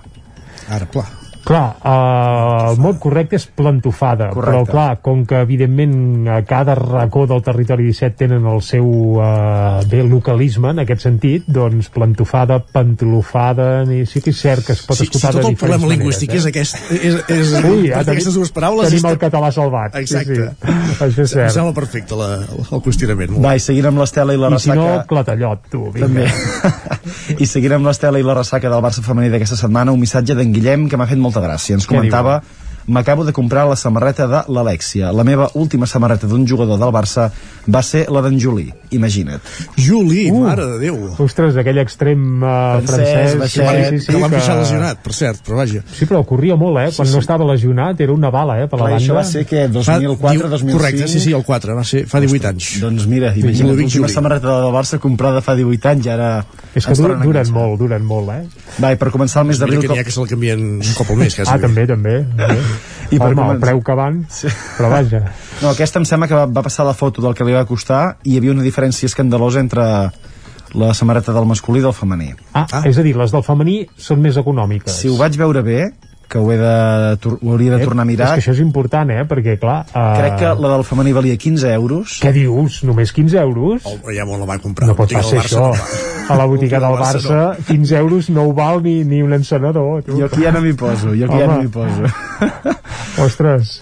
Va, i per començar el mes d'abril, com parlàvem abans, no sé si també és sinònim de plantejar-se nous reptes personals com cada 1 de gener. Per exemple, ens escriuen demà començo a córrer, dada informativa i rellevant per vosaltres. Doncs, si més no, des d'aquí, a la secció de les piulades, li desitgem a aquest usuari. Ja, és, és, que és, comenci millor, però que pari també eh? és, és millor de data per començar a córrer l'1 d'abril que l'1 de gener, ja t'ho També s'ha de dir, eh? També s'ha de dir. sí, Per que, que qüestions de- agafi Per qüestions de temperatura, bàsicament. Doncs va, ho deixem aquí, que vagi molt bé el cap de setmana, Jordi Isaac. doncs vinga, Gràcies, va, vés a comprar una samarreta de l'Alexia i escolta, si n'hi ha a 15 euros és molt bon senyal perquè vol dir que ja corren a segons quins circuits i que això sí que és que el futbol femení Interessa. finalment interessa i arriba a tot arreu. Moltes gràcies i Isaac, a les portades del 99.cat avui hem d'obrir amb una notícia d'última hora que és la mort de Francesc Pardo que és el bisbe de Girona Correcte. era ex-rector de Granollers ha mort, eh, s'ha conegut la seva mort aquest matí bé, fa, poc, fa pocs minuts, als 75 anys anys i amb això obre precisament l'edició del Vallès Oriental del 99.cat amb la defunció de Francesc Pardo que recordem-ho era fins bueno, bé, era, és encara o era bisbe de Girona. aquesta és la informació principal que apareix ara mateix al 99.cat del Vallès Oriental. També hi apareix que una calamarsada tanyeix granollers de color blanc. Aquesta calamarsada va ser a la tarda vespre i la veritat és que és espectacular eh? va deixar alguns racons. Mireu les fotografies que apareixen al 99.cat que fan molt de goig. El Ripollès també fer estralls. També, també. I Vigues i Riells del FAI lliure el primer certificat d'acolliment. Anem ara cap a l'edició d'Osona i el Ripollès, cobra explicant que roben tot l'estoc d'una empresa que fabrica joies de plata a Call d'Atenes, els han deixat eh, sense joies. També que un ripollès que va passar 42 dies a l'UCI per la Covid-19 explica la seva experiència en una obra de teatre i que l'eix bicolot va estar tallat per una protesta per la variant de les preses i la carretera de la Bola per un accident, és a dir, que ahir va haver molts problemes a les carreteres. Doncs dit això, gràcies Jordi, gràcies Guillem, i és moment d'entrar al territori 17 a la taula de redacció. Anem.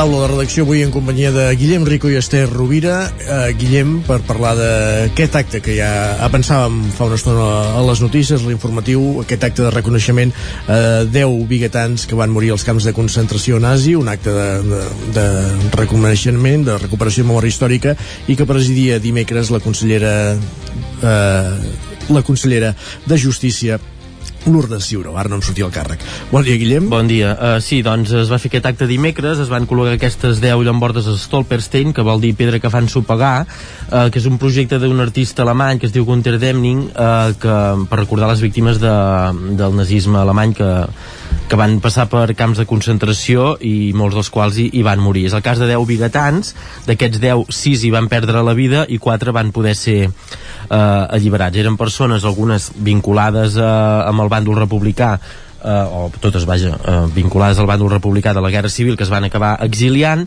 i que en el, un cop eren a França doncs els van amb l'inici amb la, amb, amb de la Segona Guerra Mundial, etc doncs els van acabar portant eh, van acabar anant a camps de concentració eh, la majoria van, van morir a Gusen eh, i mm, el que es feia aquest dimecres era eh, ho deia Vicenç Villatoro director del Memorial Democràtic no? doncs tornar a donar un nom a aquestes persones que, es van, que van intentar anul·lar a través d'un número quan van entrar en els camps de concentració nazis s'han col·locat aquestes 10 plaques són unes plaques que són de 10 per 10 i eh, en la placa hi consta el nom i consta eh, el lloc i la data de naixement, eh, on els van, a quins camps de concentració van anar i, i on els van portar, i llavors també, en el cas dels que van morir doncs també la data de, i el lloc de, de mort uh, el que deien, que deia el conseller de Ciuró uh, era això, no? que es diuen Stolperstein, això, aquesta pedra que fan sopegar perquè eh, també en el moment en què te les trobes doncs eh, et, et pares eh, rets en part homenatge a aquestes persones i, i pel sol fet de parar-te a llegir què hi diuen acotes al cap eh, i això és com un, deia, com un senyal de, de respecte i de i d'humanitat per a aquestes persones no? eh, que finalment doncs, també com deia Vicenç Villato no? eh, tenen un lloc eh, per, per primer cop a la vida els seus familiars tenen un lloc on anar-los deixar una, una flor perquè fins ara doncs, molts eh, no, no es van acabar cremant als crematoris dels camps de concentració. Sí que n'hi ha un que està enterrat en un cementiri alemany però la resta eh, doncs no tenien un lloc on anar eh, a, a, a, a, a, això, a posar-los flors per exemple. Eh, hi havia per exemple els fills d'un d'aquests eh, d'un d'aquests deportats que eren en Felicià Tona hi havia la, van parlar amb la Ramona ella deia que havia marxat quan Eh, quan ella tenia 4 mesos, que per tant no recordava res del seu pare i que la infància va ser molt dura perquè els hi deien rojos. També, de fet, explicava que, que mm, el, sempre els hi demanaven al, Guàrdia Civil a veure on era el seu pare, no? perquè la seva mare treballava en una casa de senyors, deia ella, que rentava roba però la rentava a casa i la secava a casa i llavors feia els trajectes aquests amb la roba i els acusaven de que li deien que el pare estava amagat a algun lloc i que i que eh, li estaven anant a portar la roba però fins al cap de molts anys no van saber que que era mort i deien això que la, la seva àvia paterna quan va saber doncs, això que, que plorava la mort doncs plorava de nit i de dia perquè era el segon fill que, que se li mori, que s'havia mort de fet i bé, eh, són unes històries que, mm, que, que esperem que no, que no repeteixin no? però que també en aquell moment, eh, pels que van sobreviure, també mm, molts ja no van poder tornar mai més aquí, i uns perquè no van poder tornar, i per altra banda molts no van poder tenir contacte mai més amb la família perquè eh, no hi havia les tecnologies que tenim ara que, que per, per, per acabar localitzant, localitzant aquestes persones i això moltes no, no van poder tornar. L'alcaldessa Anna, Anna R alcaldessa de Vic eh, deia això, no? que es feia aquest acte de justícia i de responsabilitat i com deien les 10 llambordes s'han col·locat just a davant de l'estació. Normalment es col·loquen a, a davant de les cases on van, dels últims domicilis on van viure aquestes persones en aquest cas, o en llocs um, que tinguin algun, uh, alguna simbologia. I en aquest cas uh, fins i tot un d'aquests uh, d'aquests uh, que van morir a, a, a Gusen uh, havia treballat en, en preparar un tren per portar molta gent cap a la frontera de França. Llavors també no, l'estació era com una mica allò, un dels, una, una de les vies mai millor dit de sortida cap a, cap a aquest exili. I això, aquestes plaques, hi ha aquestes 10 a Vic ja n'hi havia 3 a, a Prats i eh, sí que hi ha, hi ha peticions a Centelles, a Roda, Ceba, Ribes, a Sant Quirze i a Toses. Per tant en els propers mesos eh, se n'haurien de col·locar fins a 24 més per, mm, per recordar totes aquestes persones perquè es calcula que al voltant d'unes 40 persones eh, d'Osona i el Ripollès van ser deportades en, en camps de concentració nazis. Doncs ho anirem vetllant conforme es vagin instal·lant aquestes rajoles, aquestes llambordes. Gràcies, Guillem, per ser una taula bon de redacció. Bon dia. I continuem aquesta taula de redacció amb una qüestió esportiva en companyia de l'Ester Rovira. Bon dia, benvinguda. Bon dia per parlar de l'ús del casc eh, en un esport com és l'hoquei patins estem acostumats a veure al porter però també estem, hem anat veient diversos accidents, diversos cops i la Federació Catalana ja ha pres mesures i si més no amb les categories més baixes es comença ja a implantar el casc com a obligatori a tots els jugadors. Sí, doncs des d'avui mateix 1 d'abril eh, entra en vigor aquesta obligatorietat que les categories eh, benjamins i prebenjamins d'hoquei patins eh, hagin de jugar amb, amb casc, un model de casc que ha dissenyat la la, la Federació Catalana amb, amb diferents eh, doncs amb, amb diferents eh, suports eh, tècnics, eh, científics eh, amb, amb una empresa i, i aquest model de casc és el que serà obligatori eh, doncs, eh, per aquestes categories amb la intenció que això vagi sent progressiu i de cara a la temporada que ve s'acabi arribant fins als sèniors i, i veterans perquè ara comencen eh, aquestes categories eh, més baixes eh, de cara a l'1 de juliol Uh, per tant, de cara a la temporada que ve uh, serà el torn dels alevins i infantils i uh, després uh, segurament al voltant de Nadal entraran en, en joc els juvenils i júniors i aprofitant algun dels canvis de fases que doncs, en els últims anys hi ha hagut aquest canvi de, de format de competició en què uh, doncs, els més grans fan diverses fases per lluitar per l'ascens o per la permanència doncs aprofitant un canvi de fase uh, també s'acabarà aplicant en les categories uh, més altes. Uh, l'objectiu l'objectiu és, com deies, eh, s'han anat registrant accidents eh, de certa gravetat a, al cap i per tant doncs, s'ha doncs, optat per, per fer aquesta protecció eh, a la zona de, del crani i de la, i de la cara. Eh, ha generat eh, debat, controvèrsia, fa quatre anys que s'hi treballa i encara hi ha doncs, persones que no ho veuen clar, no? perquè doncs, eh, en hoquei patins eh, els jugadors mai n'han portat i, i per tant molts desconfien que eh, sigui igual, eh, per a nivell de visió quan s'està defensant i es necessita una visió uh, lateral. Uh, també per exemple alguns dels nens petits que, que ja el, que ja l'han començat a portar en les últimes setmanes i mesos per adaptar-s'hi per començar aquest cap de setmana doncs també es queixen que uh, s'entela la, la, la visera. uh, que a vegades no senten bé les ordres dels entrenadors. Des de la federació diuen que, que segurament s'havia de començar i aquest model s'anirà evolucionant i d'aquí uns anys ja serà doncs uh, molt millor però bé en tot cas uh, es fa aquest pas endavant.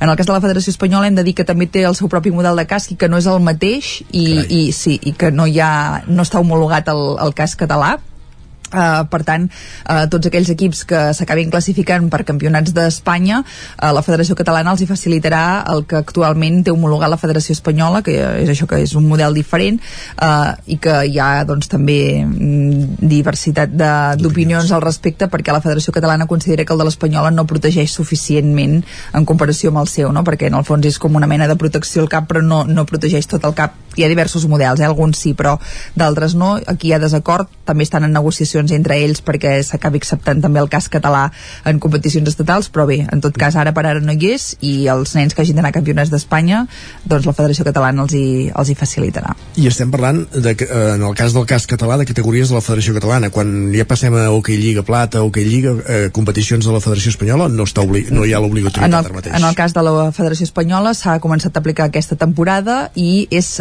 infantil a Navall. Entesos. Uh, uh, la seva voluntat també és, és anar tirant amunt, però és això hi ha molta controvèrsia, sobretot entre els jugadors sèniors, eh, que tots diuen que, que d'aquí uns anys ja serà natural que tots els nens que hagin començat a jugar casc doncs arribin a dalt i siguin grans jugant amb casc, però que clar que per ells ara incorporar-lo eh, doncs no, no, no ho veuen clar i per tant de moment doncs eh, s'esperen, però en el cas de la catalana sí, i serà a més a més diuen de cara a la temporada que ve tot en funció de la fabricació, perquè com que eh, només hi ha una empresa de moment que el fabriqui, tot i que se n'hi poden presentar d'altres, eh, perquè la norma és pública i qui vulgui pot fabricar aquest casc, però de moment només n'hi ha una que fabrica casc eh, de moto i per tant eh, aquests els va fabricant també en funció que, que, que en va venent, no? perquè si no en ven molts tampoc no en vol fabricar, eh, la federació el que no vol fer és obrir-ho a tothom i que després hi hagi persones que no el puguin fer servir perquè no el troben en, en botigues, no? Uh -huh. per tant de moment va fent-ho per categories però, però serà qüestió de mesos que, que l'acabi portant tothom de les categories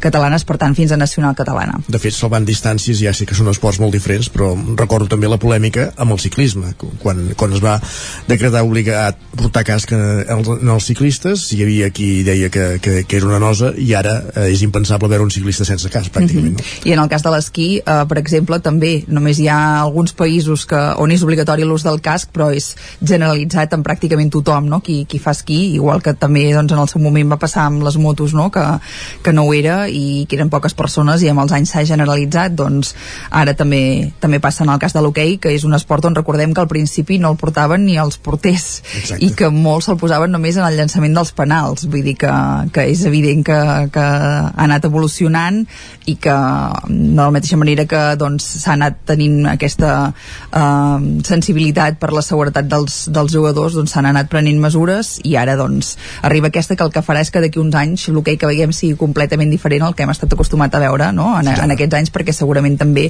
el fet d'anar protegit doncs, permetrà que hi hagi més contacte no? o, o veurem com també la normativa s'hi acaba adaptant. Doncs casc obligatori entre les categories Benjamí i Prebenjamí de la Federació Catalana a partir d'avui 1 d'abril i anirem vetllant com evoluciona. Gràcies Esther, no marxis gaire lluny perquè tot seguit fem el repàs a l'agenda esportiva del cap de setmana.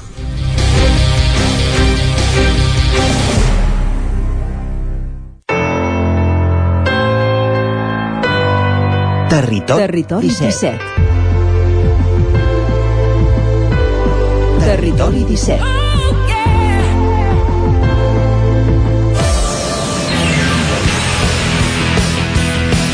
I obrim pàgina esportiva, moment de repassar l'agenda del cap de setmana, ja ho sabeu, ho fem en roda, en connexió amb les diferents emissores del territori 17. Avui comencem els estudis del 9FM, ja que teníem aquí asseguda l'Ester Rovira, doncs per repassar l'agenda dels equips usonencs aquest cap de setmana. Torna a haver-hi derbis? Torna a haver-hi derbis, sí. Parlem uh, de futbol, ara. Uh, sí. però també n'hi ha en hoquei, okay, l'hoquei Lliga Plata, sí, sí, sí. Uh, portem, estem arribant al final de la temporada i, i en moltes categories i en moltes competicions en tenim i aquest cap de setmana no és una excepció. Uh, com deies, en futbol a la primera catalana, al grup 2, tenim un Manlleu Vic, diumenge a les 5 de la tarda, que és un partit uh, que uh, sempre ha generat expectació. Sí, ja té interès per si sol, uh, sempre, però a més a més aquesta temporada més, perquè amb tots aquests derbis, amb aquesta rivalitat que hi ha hagut a la part alta d'aquest grup 2, doncs hi ha molta afició, s'estan venint entrades, entrades anticipades. Carai. Uh, per tant, poca broma amb, amb aquest, aquest despertar que hi ha hagut novament del futbol uh, territorial uh, aquesta temporada, perquè en els últims anys molts clubs es queixaven queixaven que els hi faltava gent de, de públic i estem arribant a, a casos com aquest doncs, que, que s'estan venint entrades anticipades per un derbi de, de la primera catalana. Um, en joc, a més a més, uh, l'intenció dels dos equips d'acabar en segona posició perquè uh, sí que seria complicat i dependria de, de descensos compensats, però hi ha una opció remota que la segona posició també acabi servint per pujar de, de categoria a la tercera uh, Real Federació Espanyola. Per tant, uh, interès de Vicky de Manlleu, tots dos, d'acabar en aquesta segona posició i també uh, un partit que pot ser clau per acabar sabent si el Tona ja es proclama campió uh, aquest mateix cap de setmana. Els tonencs reben uh, demà dissabte a les 5 de la tarda a l'Horta, que és un equip uh, necessitat de, de punts. Uh, en cas de victòria, el que necessitarien els malleuencs és que, ai, els tonencs és que el Manlleu uh, punxés, per tant, veurem què passa en aquest derbi, si el Vic és capaç de fer com ja va fer amb el Tona uh -huh. uh, la setmana passada de guanyar-los i així doncs propicia que els tonencs guanyin, uh, però el Tona també hauria de fer la seva feina i, i guanyar. I en el cas del Vic Riu primer, uh, ja enfonsat des de fa moltes setmanes a la part baixa de la classificació, intentarà uh, trencar aquesta ratxa negativa diumenge al migdia al camp del, del Rubí. Per tant, tot l'interès del món té aquesta primera catalana per veure si aquest cap de setmana ja tenim campió. Uh, en el cas de, del principal conjunt femení de, de futbol d'Osona, el Vic Riu primer hem de dir que aquest cap de setmana visita el Font Santa Fatjó diumenge a dos quarts de sis de, de la tarda, és l'avant penúltim classificat i les usonenques volen els tres punts per intentar escalar uh, a, la, a la classificació no? I, i a més a més encadenar victòries seguides després d'algun de, partit on els havien costat les coses. En el cas de, de l'hoquei aquest cap de setmana partits importants uh, per la permanència de Manlleu i, i Voltregà. El Manlleu rep uh, dissabte a les 8 del vespre a l'Alcoi i a la mateixa hora el Voltregà s'enfronta al Palafrugell. Hem de dir que en aquest cas doncs, és un duel directe per la, per la salvació eh, on els voltreganesos que dimecres van empatar a casa contra el Calafell doncs intentaran fer bo aquest punt i, i, es, i apartar-se de, de la zona de, de perill eh, i continuar fora del play-out que ja n'han sortit a les últimes setmanes després del canvi d'entrenador. I el Martinelli rebrà l'Alcoi eh, doncs, intentant sortir de, de, en el seu cas de la zona de, de descens directe i seguir somiant amb, amb la permanència. Deies derbis eh, doncs en tenim un altre a l'Hockey Lliga Plata, el grup sud entre el Taradell i el Club Pativic dissabte a les 6 de, de la tarda.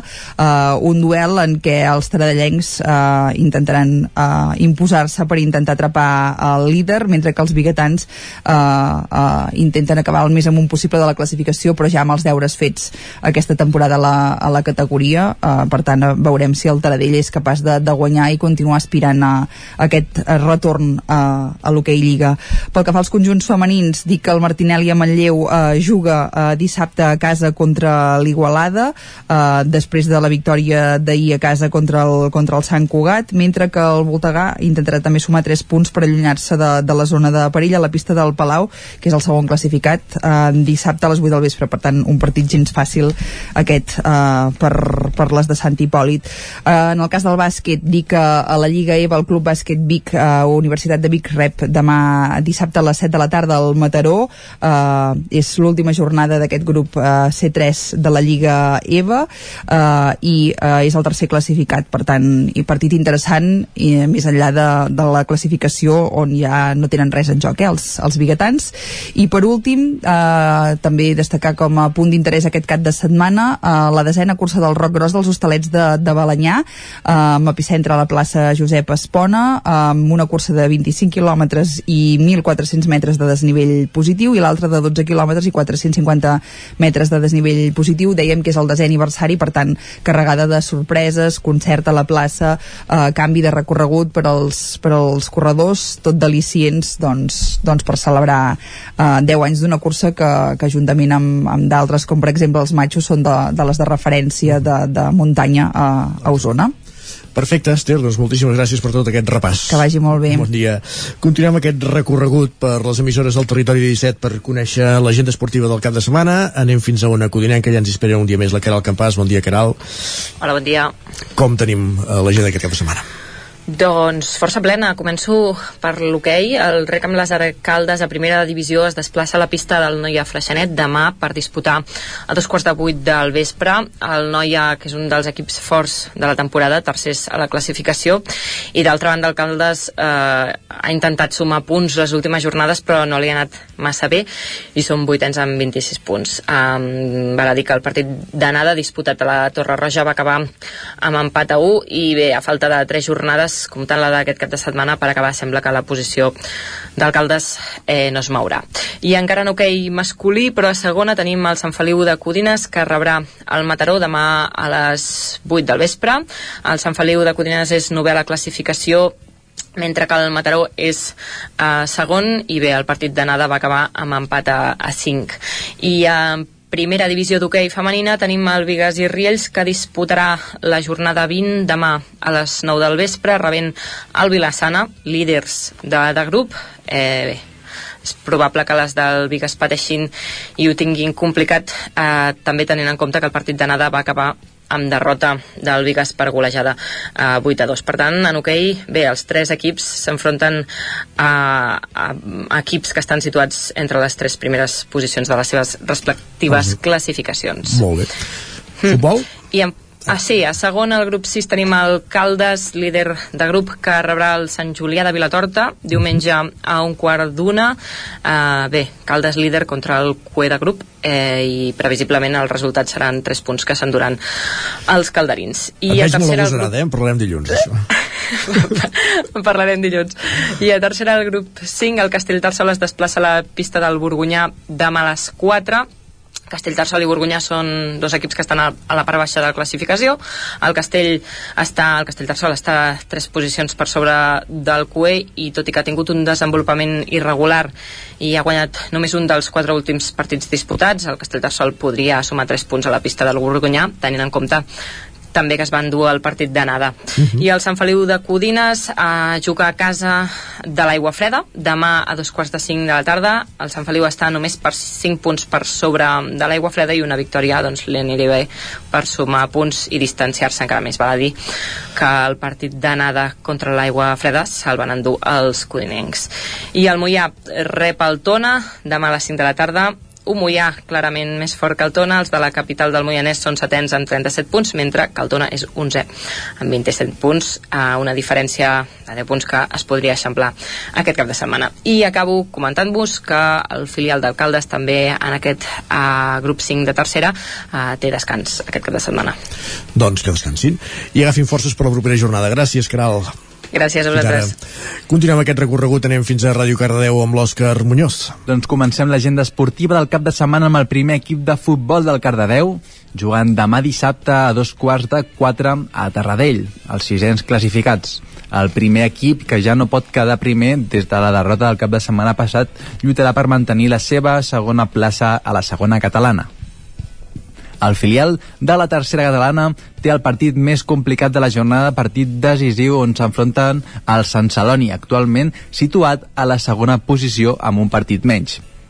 El partit serà dissabte a dos quarts de vuit del vespre i a la mateixa lliga, unes posicions per sota, fins l'onzena, trobem el Llinas, que també juga dissabte i ho farà abans a dos quarts de cinc contra el Montmeló, actualment els novens classificats. I acabem el futbol, amb l'Esport Club. S'ha quedat sense marge d'error després de perdre contra el rival directe per la permanència la setmana passada el Castell de Fels per 3 a 0 i ara doncs que això trenquen la dinàmica de 5 partits sense perdre. Li queden 5 partits que són 5 finals i necessita guanyar el cap de setmana per tornar a situar-se a un punt o dos de la salvació. Actualment el Sants té, té jornada de descans i és una oportunitat d'or perquè els granollerins puguin ajustar la part baixa d'aquesta tercera divisió espanyola. Diumenge jugant a casa contra el Vilafranca a les 12 del migdia, que són els dauens classificats amb 34 punts i també lluiten per la salvació. Així que l'Esport Club està amb l'aigua al coll i doncs aquest cap de setmana té una nova oportunitat per seguir doncs, sumant. Ara ens anem amb l'embola Cardedeu, on els dos equips també s'ho juguen tot a les fases de permanència. En el cas del sènior femení, aquest diumenge juga a casa contra el Vilanova del Camí. A dos quarts de sis són els rivals més directes, eh, aquí el Vilanova va sisè i el Cardedeu va setè i l'equip masculí que també se la juga haurà d'anar a Bordils diumenge a la una del migdia el Bordils va millor situat que el Cardedeu eh, el Bordils va quart i el Cardedeu va setè acabem el repàs esportiu a Granollers amb els dos equips d'handbol.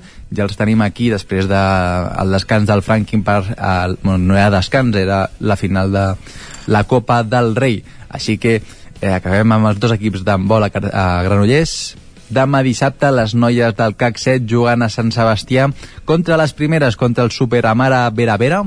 Un, el partit començarà a les 6 de la tarda i acabem amb el Franking, que també viatja al nord d'Espanya, concretament a Santander, per disputar el seu partit contra l'Unicaja Banco Sin Fin. A priori, aquí el Franking ho té més fàcil, ja que juguen contra els últims. El partit del Franking serà demà dissabte a les 5 de la tarda. I fins aquí l'agenda d'aquest cap de setmana. Gràcies, Òscar. Anem fins a completar aquesta roda esportiva a la veu de Sant Joan, al Ripollès, amb l'Isaac Muntades. Bon dia, Isaac. Bon dia, bon dia. Doncs mireu, si voleu uh, us començo explicant-vos que l'esquiadora de Ribes de Freser, Núria Pau, es va com, uh, proclamar campiona d'Espanya a l'eslàlom després de revalidar el títol estatal a Sierra Nevada aquest dilluns amb l'esquiadora de l'equip Fasto la Luz va aconseguir l'hora amb un temps d'un minut 27 segons i 6 dècimes i Arrieta Rodríguez i Mirenxo Miquel, uh, Miquel la van acompanyar al podi. Fet aquest apunt uh, d'aquest cap de setmana al grup 4 de la segona fase de permanència segona catalana de futbol el Camprodon vol seguir sumant punts per aconseguir la salvació. Tindrà un partit contra un dels rivals més fluixos de la categoria, l'Unió Girona aquest dissabte a dos quarts de sis de la tarda fora de casa. Recordem que el Camprodon va guanyar el primer partit d'aquesta mini lligueta, mentre que l'Unió Girona va descansar i per tant no ha sumat cap punt encara. Uh, el grup 19 de la tercera catalana de futbol, els dos equips ripolleros tenen partits més o menys senzills. La Badesenc rebrà dissabte a les 4 de la tarda a les Planes. Els Sant Joanins són setens amb 35 punts i un partit menys i porten 8 duels sense conèixer la derrota, però també han acumulat força empats. En canvi, les Planes és 12 amb 22 punts i ha guanyat dos dels últims uh, eh, 5 partits només. Per la seva banda, el Camp Bànol és 5è amb 39 punts, amb només una victòria dels últims 7 partits, s'ha abonat molt a l'empat, però, i visitaran uh, el, camp, el camp del Cué aquest diumenge de les 4 de la tarda, a l'Hostoles, però compte que tot i tenir només eh, 16 punts, l'Hostoles ha guanyat els dos últims partits i està en un bon moment de, de la temporada, de fet pràcticament el, millor. Uh, passant a l'hoquei, el partit clau, de, uh, partit clau a la segona fase de la primera catalana, perquè l'hoquei Club Ripoll rep el Caldes B aquest dissabte a un quart de 10 de la nit, en un partit, com deia, transcendental per aspirar a jugar al playoff pel títol. Els ripolleros són cinquens amb 13 punts i el Caldes està just per sobre amb 14. Si guanyen els ripolleros, doncs es posaran a la zona noble, però si perden gairebé diran adeu a les opcions de jugar aquesta fase final. I per acabar, la primera nacional de futbol sala, l'escola de futbol sala Servicat Ripoll, té el primer matchball aquest diumenge a les 6 de la tarda a casa, rebrà l'Energy Van Vigues, i tot i que el seu rival és el tercer classificat amb 39 punts i per tant juguen una altra lliga, els ripollesos necessiten guanyar perquè són penúltims amb només 9 punts, amb un partit menys, i pràcticament és obligatori per sortir de, del descens i agafar una mica d'aire. Doncs dilluns veurem com ha anat tot plegat. Gràcies, Isaac. Parlem d'aquí una estona. A vosaltres. Adeu. Més qüestions al territori 17. S'ha acabat aquesta roda esportiva. És moment d'actualitzar-nos quan passen 4 minuts del punt de les 11.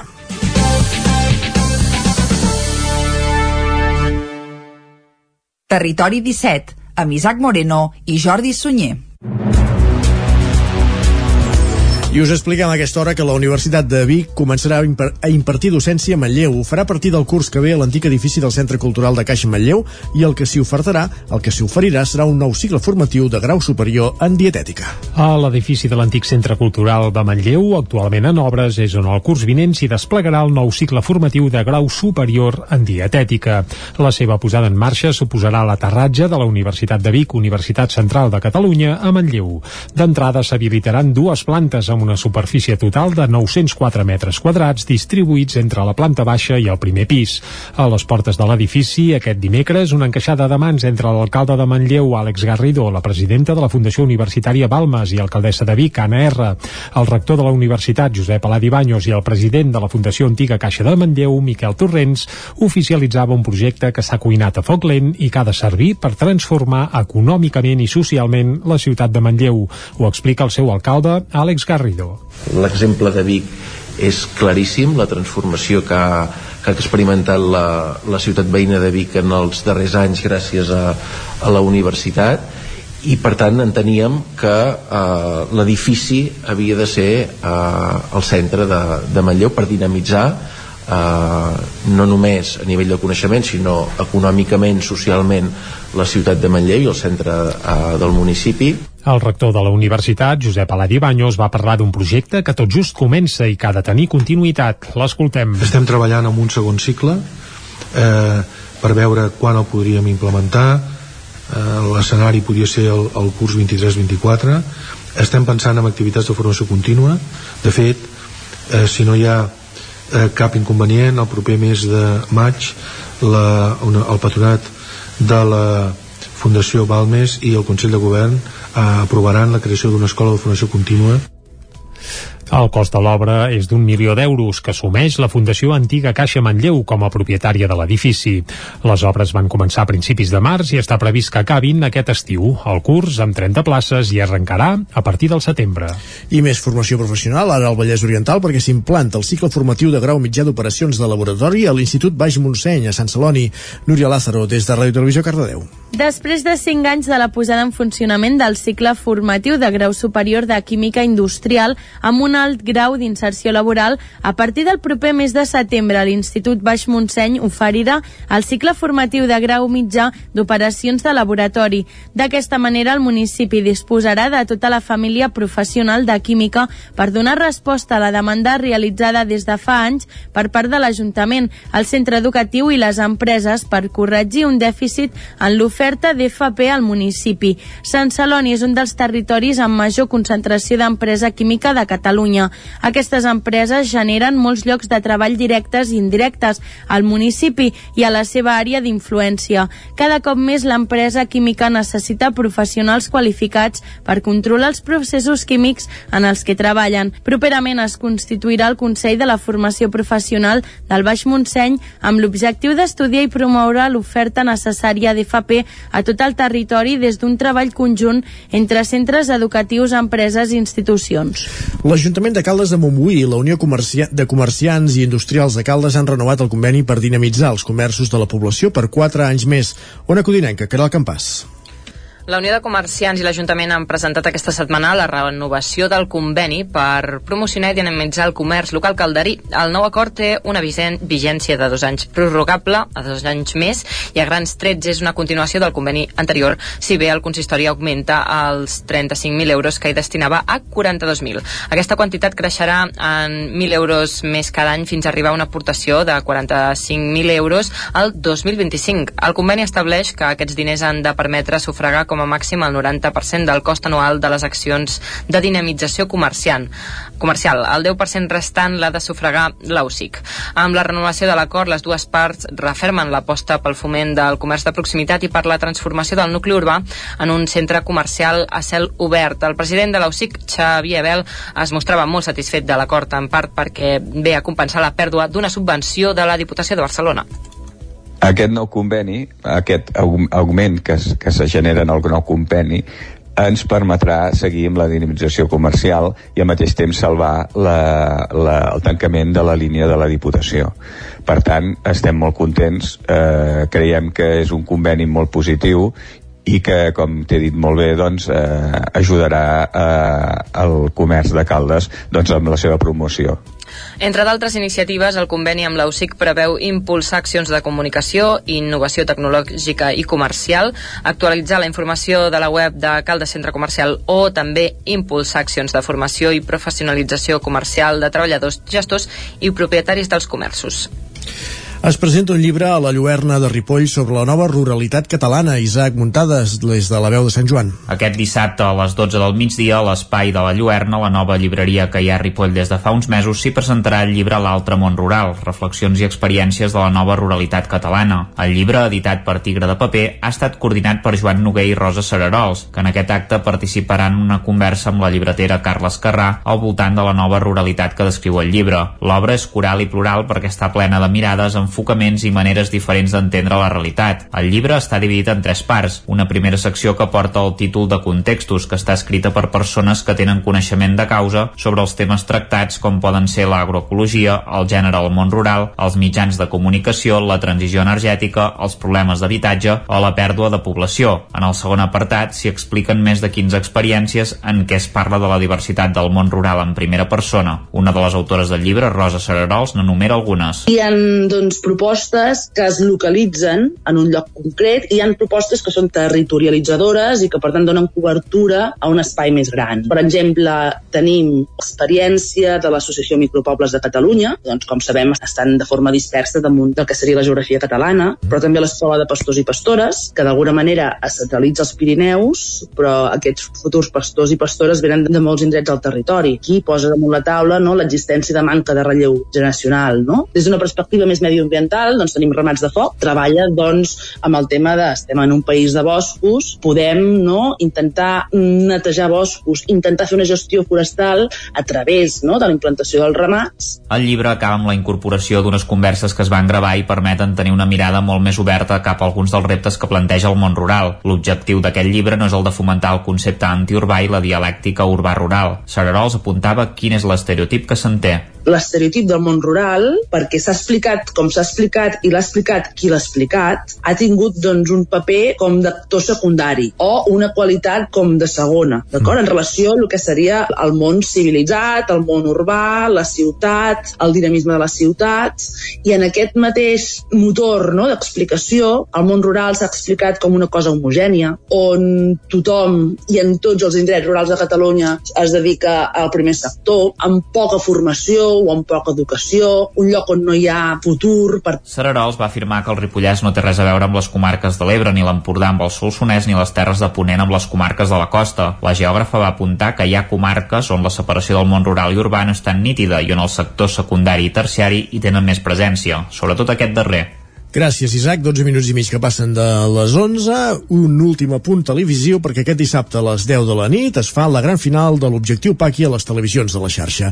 Les cinc finalistes lluitaran per convertir-se en la guanyadora de la segona edició d'Operació Paqui i guanyar així el premi del concurs, l'inici d'una carrera musical amb la discogràfica Crea Músic. Anem a Ràdio Televisió Cardedeu. Núria Lázaro. La Jana, l'Abril, la Martina, la Naia i la Mariona, una d'elles es convertirà en la guanyadora de la segona edició d'Objectiu Paqui. Totes cinc han defensat cançons d'Eurovisió dels anys 60 i un repte. Arriben a la final escollint el tema amb el que volen tancar l'etapa d'OP. La final serà dues rondes. A la primera, les cinc concursants cantaran el tema i s'obriran les votacions. Com sempre, es podrà salvar dues persones. Un cop acabats els 20 minuts de votacions, es coneixerà la quarta i a la cinquena classificada i les tres finalistes cantaran el seu segon tema. En aquesta segona ronda, el públic tindrà 10 minuts per votar a la seva cantant preferida. Per primera vegada a UP, en aquesta ronda només es podrà votar a una sola persona. Acabats els 10 minuts, es coneixerà la guanyadora d'Objectiu Paqui, que juntament amb Crea Music Music traurà el seu primer tema propi al mercat. Tot això es podrà veure a les televisions locals dissabte a les 10 del vespre i pel canal de YouTube de Ràdio Televisió de Cardedeu. Gràcies, Núria. Acabem aquí aquest repàs informatiu que començàvem a les 11 en companyia de Núria Lázaro, Jordi Sunyer, Caral Campàs i Isaac Muntades.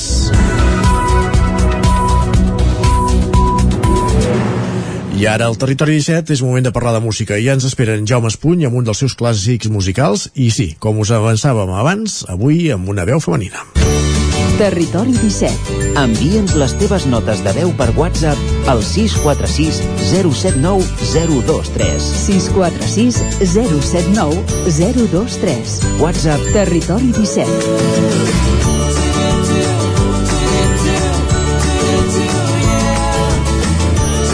Territori 17. Som a Facebook, Twitter i Instagram amb l'usuari Territori 17.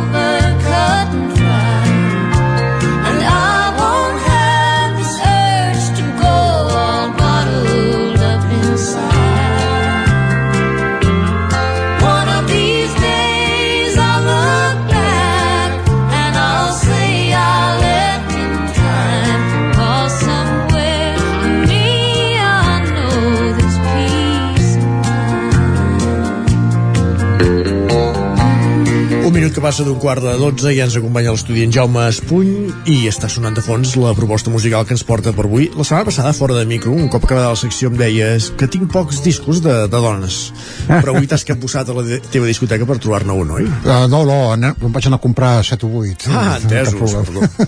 Tu, Rai, que deus saber on hi ha botigues de discos. Sí. Uh, ja veus que avui estem una mica molosos amb aquesta veu. Sí. És l'Emlo Harris, una de les grans això, diuen la, una gran dama del, del country sí. eh, sense discussió eh, i ho, també ho aprofito per eh, desitjar-li uns per, per molts anys per el seu aniversari demà en fa 75 molt bé. no, no sé si ens, no crec que ens escolti, que escolti el territori 17 des d'allà a Texas o no sé per on viu però bueno, el disc és de l'any 78 eh, es diu Profi Profile que és perfil i més o menys aquí tenia 31 anys i més o menys doncs mm, és un grans èxits però una mica dissimulat no? de, dels primers temes que, que havia gravat eh, la veu de soprà de soprano sí. eh, és, a mi m'encanta eh, en, em tranquil·litza eh, Això està bé. estem escoltant La música avança les feres, ja ho diuen. Exacte estem escoltant un, One of These Days, que vol, més o menys eh, un d'aquests dies i ara sentirem un altre eh, Today, eh, per tu, papa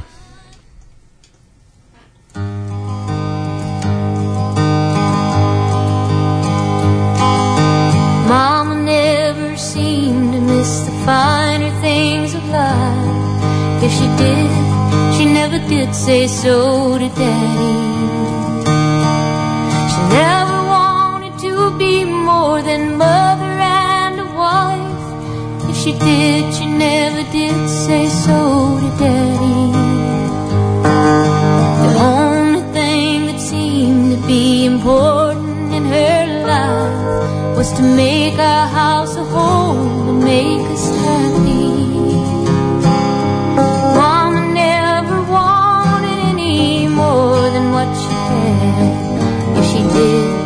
she never did say so to Daddy.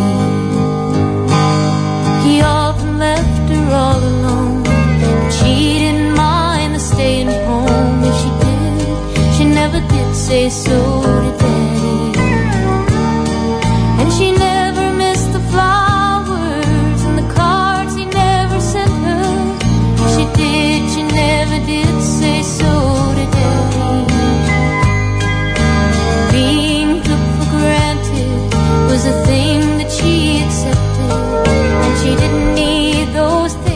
Doncs escoltant la música d'Emmy Lou Harris, una de les dames del country, ens Ah, deies, eh? exactament, i aquesta guitarreta del principi, bueno, que es va sonant de fons, guitarra acústica, la toca ella. La majoria de cançons, bueno, és, és, és una f- força bona guitarrista. I també en compon algunes de cançons. La va descobrir, aquí és una història una mica trista, la va descobrir Grant Parsons, sí. un dels inventors del country, o potser l'inventor del country rock, eh, que necessitava una vocalista a principis dels anys 70 i la va veure actuar en un concert de, de família, diríem, quasi bé, i bueno, li va encantar i van gravar eh, els dos discos, els únics dos discos que va gravar el Gran Parson perquè va morir l'any 73 d'una sobredosi amb 26 anys només.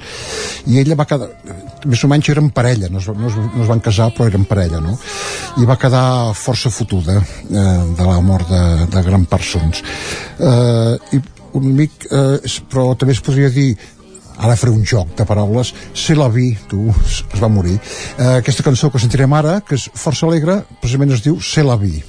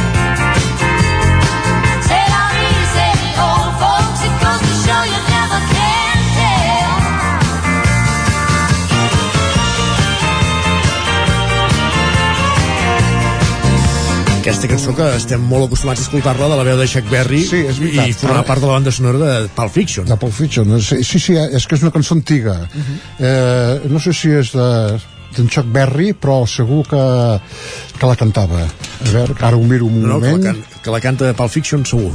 Sí. Uh, pum, pum. Avui, si més no, estem escoltant Emily Harris, aquesta dama del country, avui en aquesta secció de clàssics musicals amb Jaume Espuny cada setmana al Territori 17. Chuck Berry és sí, sí. l'autor d'aquesta cançó, I ella efectivament. feia aquesta brillant versió. Molt bé.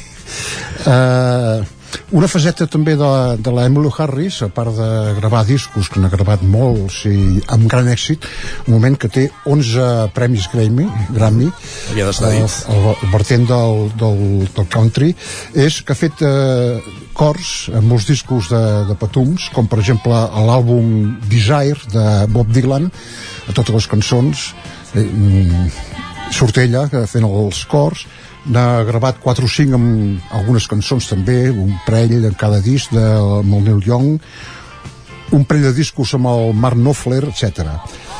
Per cert, eh, si hi ha algú que li agradi molt la Emmylou Harris, sí. eh, el dia 18 de juny actua el la F- Kena Rock Festival de Vitoria, al País Basc. Molt bé. Uh, Us ho apuntem. Uh, si algú vol, té temps per anar-hi, doncs allà actuarà Emmylou Harris. Ara escoltarem una cançó trista perquè està dedicada precisament, la va compondre ella eh, pensant en el Gran Parsons, que es diu Boulder to Birmingham, o sigui, de, de Bulmer, una ciutat de, de Colorado, em sembla, a Birmingham, que està allà. Escoltem. I got on this airplane just to fly. And I know there's life below me. But all that you can show me is the prairie and the sky.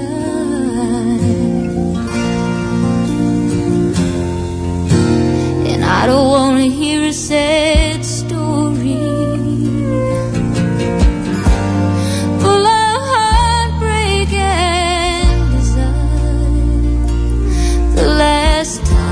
Felt like this,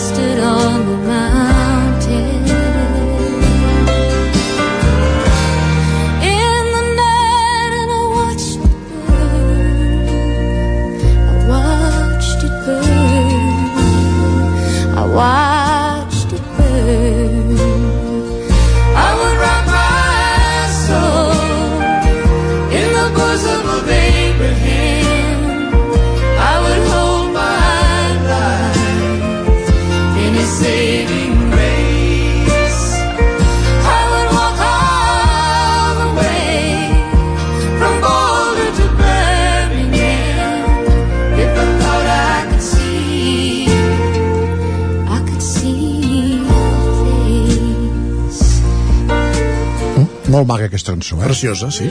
I per acabar, per acomiadar-nos, podríem escoltar-ne una altra, Hello Stranger, que eh, fa un cor molt maco, amb la, un duet, vaja, amb un altre, amb Nicolette Larson, un altre gran cantant de, de country. Doncs amb aquesta cançó acabem. Gràcies, Jaume. Fins la setmana vinent. Fins divendres que ve. Put your loving hand in mine. Hello, stranger. Put your loving are a stranger.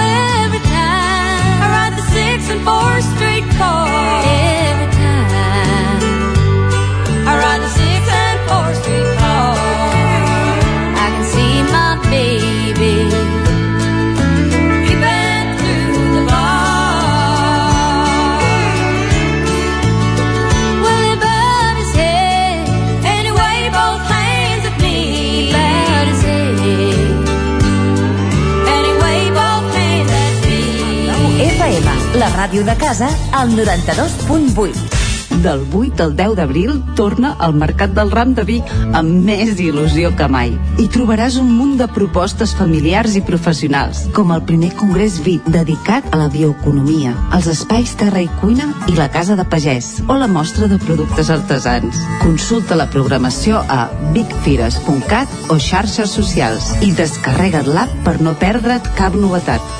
Torna al Mercat del Ram. Passa-ho. Arriba la primavera i tornen les samarretes. A Gràfic Cert tenim una extensa varietat de samarretes per vestir el teu personal, promocionar la teva empresa, club esportiu, associació... Si estàs organitzant un esdeveniment esportiu o una festa cultural, una samarreta és una bona opció per lluir la teva marca. Ja ho saps, si el que necessites per la teva promoció és una samarreta, Gràfic Cert és el teu proveïdor. I ara també tenim a la teva disposició samarretes 100% reciclades tant de cotó com de polièster. No esperis més i truca'ns al 93 886 12 15 o visita'ns a graficcert.com. Rètols 2A. Experts en comunicació visual. Rètols, banderoles, vinils, impressió, plaques gravades, senyalització, display... Rètols Dos Art. Ja són 25 anys al vostre servei. Ens trobareu a la carretera de Vic a Olot, número 7, al polígon Malloles de Vic. dosartvic.com Telèfon 93 889 2588. La Clínica Dental Sant Fortià hi trobareu un equip professional que treballa de manera coordinada per oferir un tracte sensible i humà. Estem preparats per qualsevol urgència dental i oferim accions preventives per la tercera edat i els infants. El doctor Ramon Garcia, implantòleg de Barcelona, fa 10 anys que visita Torelló. Clínica Dental Sant Fortià. Ens trobareu a la plaça Sant Fortià número 9 de Torelló al 93 859 6408 i al 690 92 51 99. Anuncia't al 9FM. La màquina de casa. 9 3 8 8 9 4 9 4 9. Publicitat arroba al 9FM.cat. Anuncia't al 9FM. La publicitat més eficaç. Cocodril Club. Si t'agrada la bona música dels anys 60, 70 i 80, escolta el 9 FM als matins de dissabtes i diumenges d'11 a 1. És el temps del Cocodril Club, tot un clàssic de la ràdio, amb les bases del pop-rock, les llegendes, les cançons que s'han convertit en autèntics himnes. Recorda, dissabtes i diumenges al matí, d'11 a 1, al 9 FM 92.8. Cocodril Club, el programa revival de l'Albert Malla. Hasta luego, cocodrilo. El 9 FM, el 9 FM, el 9 FM, el 9 FM, el 9 FM.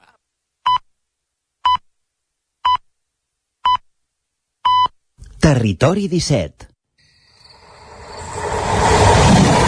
A Tren d'Alba.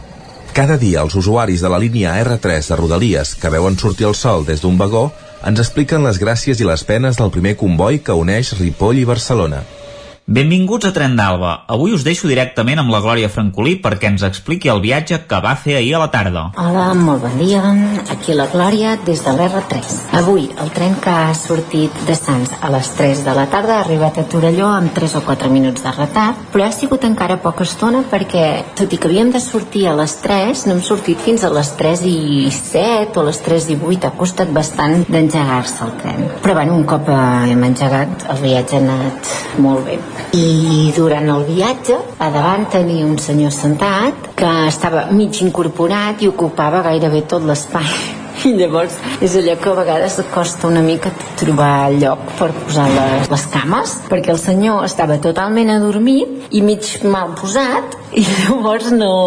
era com una mica incòmode. I bueno, gairebé que he estat a punt de canviar-me de lloc perquè no, no sabia com posar-me. Però bueno, res, quan hem arribat més o menys a l'alçada d'hostalets ja s'ha despertat i ja s'ha posat bé però bueno, en fi. Ha sigut un viatge, la veritat, molt agradable.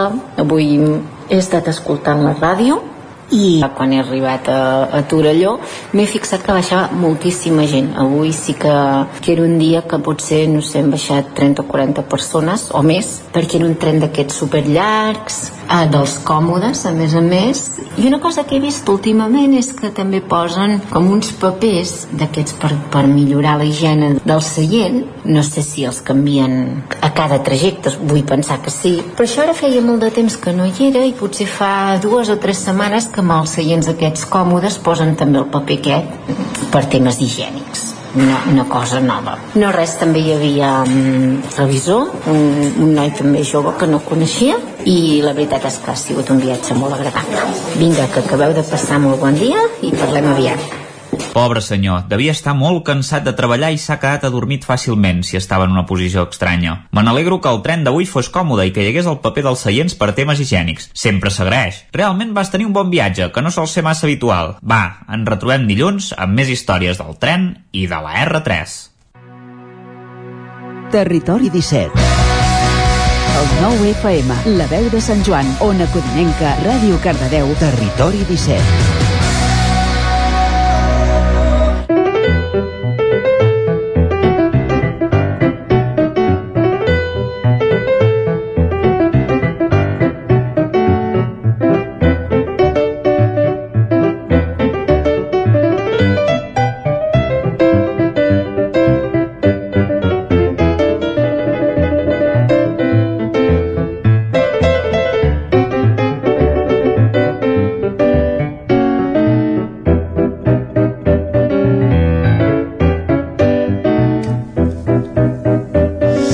Passen 3 minuts del punt de dos quarts de 12 i al territori 17 moment de parlar de cuina, de gastronomia, d'alimentació. Avui a la Foc Lent parlarem de nutrició dietètica. La vida saludable i alimentació saludable als últims anys està agafant ressò i importància entre la població i són molts els nutricionistes que fan divulgació a través de difondre consells i receptes. Caral Campàs, des d'Ona Codinenca.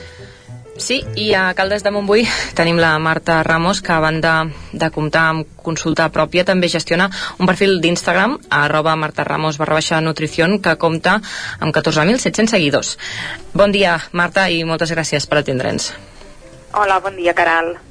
Gràcies a vosaltres. Um, ofereixes eh, serveis, eh, hem vist, de, de nutrició digestiva, salut hormonal femenina i educació nutricional um, a la teva consulta.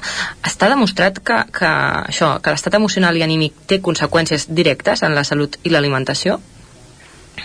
Uh, jo penso que ja, és, uh, ja hi ha molta evidència no? avui en dia i ja no, ja, ja no, ja no és un ja no és tabú no? parlar una mica d'aquest eh, eix intestí-cervell, una mica no? de com les emocions estan influenciant o influencien en l'estat de la nostra salut, en l'estat del nostre aparell digestiu, i al contrari, no? com el nostre ap- aparell digestiu influeix en les nostres emocions en el nostre estat emocional. Per tant, sí, evidentment, eh, nosaltres com a nutricionistes treballem eh, o ens centrem bàsicament en la- en l'alimentació, la, en la nutrició, però sempre tenint en compte aquest estat emocional de la persona que tenim davant i per això moltes vegades eh, acabem derivant a altres professionals. No? Mm, Per mi és lo, lo maco de la nostra professió, no? que, que treballem amb, amb altres professionals i que al final un es complementa amb l'altre.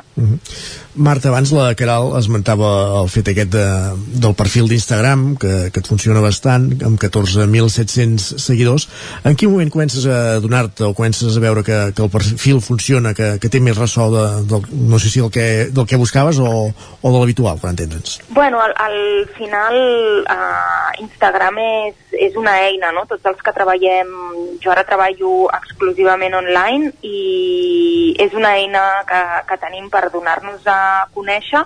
Uh, és cert que, que costa molt, que avui, que avui en dia uh, costa molt i que Instagram ens ho posa cada vegada més difícil perquè hem de fer uh, hem, hem d'estar més actius i hem d'estar més connectats i hem de fer més ara reels i ara no, hem d'estar més a l'última però bueno, al final mm, vas creant xarxa, no? a poc a poc vas creant xarxa i això és el que fa que, bueno, que al final vagis poquet a poquet creixent i arribant a la gent, no? Amb, en el, tant el teu perfil d'Instagram com en la teja, teva pàgina web parles de la PNI eh, com a clau, no? O com a cosa important. No sé si ens pots, pots explicar als nostres oients en què consisteix.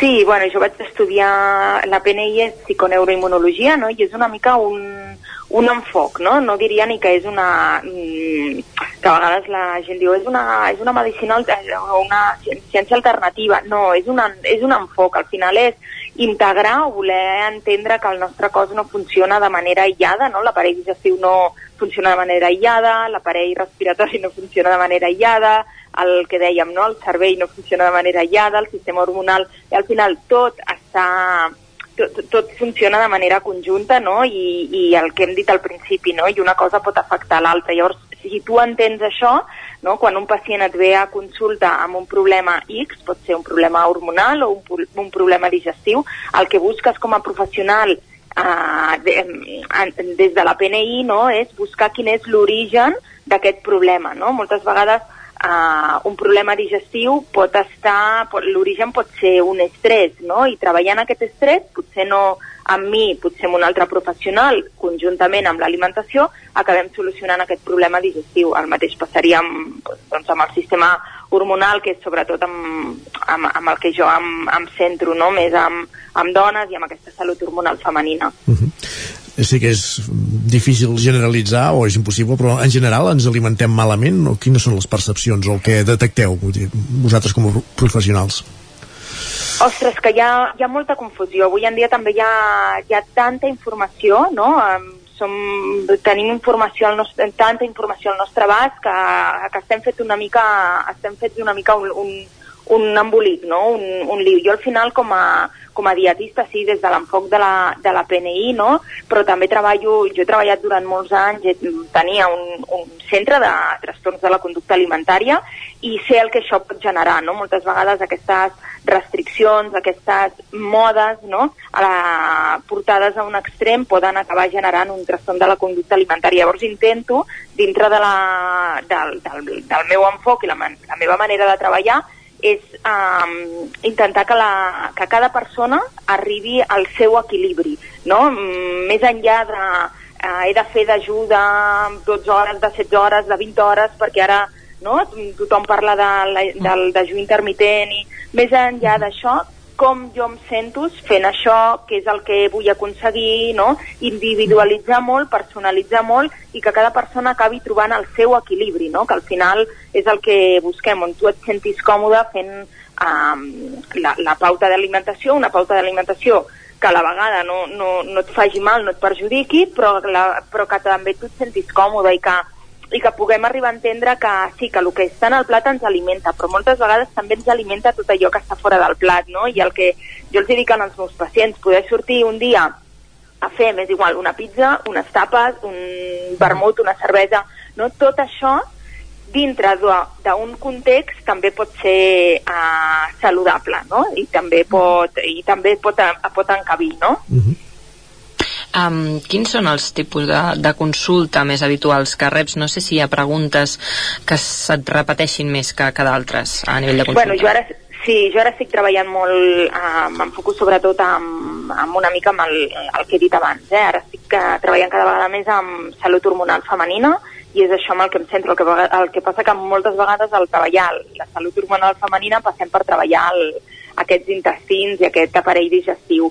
A consulta potser mm, el més habitual és, són trastorns digestius Mm, ens ho trobem moltíssim i hem d'arreglar primer a l'aparell digestiu arreglant a l'aparell digestiu només et diré que arreglant a la- a l'aparell digestiu moltes vegades es solucionen altres problemes no? com, com poden ser hormonals un dolor de, de regla, de menstruació síndrome premenstrual, etc etc. i a vegades només treballant l'aparell digestiu Uh -huh.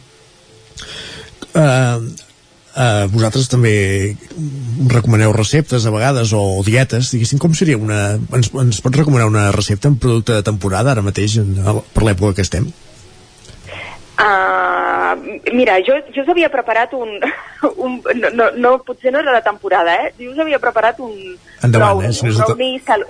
sí, un brownie saludable, però si vols improviso alguna no, no, altra no, cosa. ens va bé el brownie saludable, endavant.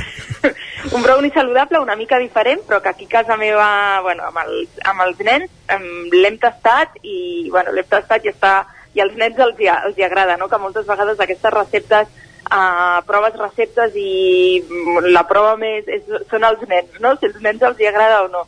Jo he de dir que tinc uns nens que des de sempre han menjat bastant bueno, doncs, han, menjat, han menjat bé. De casa els hàbits han estat molt, molt presents i sempre hi ha hagut verdura, sempre hi ha hagut uh, fruita a l'abast d'ells, mm, hi han hagut pocs processats, i llavors, uh, bueno, això també facilita, no? Però, però bueno, aquest brownie els hi, els hi agrada amb ells, jo el faig de manera, no et diré sovint, però sí que de tant en tant, quan ve de gust algun dolç, doncs tiro per aquest tipus de, de receptes. Bé, Eh, comento els ingredients? Sí, sí, endavant. És un, és un brownie sense farina, és apte per persones que, estan, eh, que són celíaques, per exemple, o que no volen o no poden eh, menjar gluten. Mm, llavors seria eh, un albocat, dos ous, 50 grams de crema d'avellanes o qualsevol altra crema, crema d'ametlles o qual, qualsevol altra. A mi m'agrada la d'avellanes per com queda amb aquesta recepta, però podria ser qualsevol altra. 60 gram, grams de cacau pur, Sí. 30 grams de sucre de coco, jo sí que li poso una miqueta de sucre en aquesta recepta, si voleu evitar el sucre també ho podríem fer, ara mm, també s'ha posat molt de moda l'eritritriol, eh, que també seria, bueno, seria apte, eh, jo li poso sucre de coco, eh, una cullerada de llevat, una culleradeta petita de llevat, una mica d'essència de vainilla, un pessic de, de sal i després nous eh, per decorar. I només es, es tracta de mm, batre-ho tot, excepte les nous, sí. ho batem tot amb un processador d'aliments, ho posem amb una... Amb un, aquesta recepta seria per la quantitat d'un motlle d'aquests rectangulars mm, per, mm, per, per els que es fan servir per, per als torrons, una mica, no? Que no sí, sí. Val? D'acord? Uh, doncs ho posaria tota la massa dintre del, del motlle aquest, posaria les nous, que les, si voleu les podeu partir una miqueta amb la mà, i uns 20 minuts al forn a 150 graus, res més. És així de fàcil. Doncs ja tenim el brownie saludable que ens recomana la, la Marta Ramos, ens l'apuntem i, i alguna hora que ara el provarem si ens, si ens funciona. Uh, Podeu també jugar una mica amb el cacau si no us agrada tan fort. Aquest queda fortet de, de cacau, però a casa ens agrada i, i el prenem així. Caral, Sí, ara que comentaves la recepta i ja per acabar i per tancar la, la secció, eh, parlaves de, de sucre, no? I, i sí. pensava, a través d'alguns perfils o alguns professionals eh, s'ha demonitzat eh, el sucre. No? Què en penses tu d'això?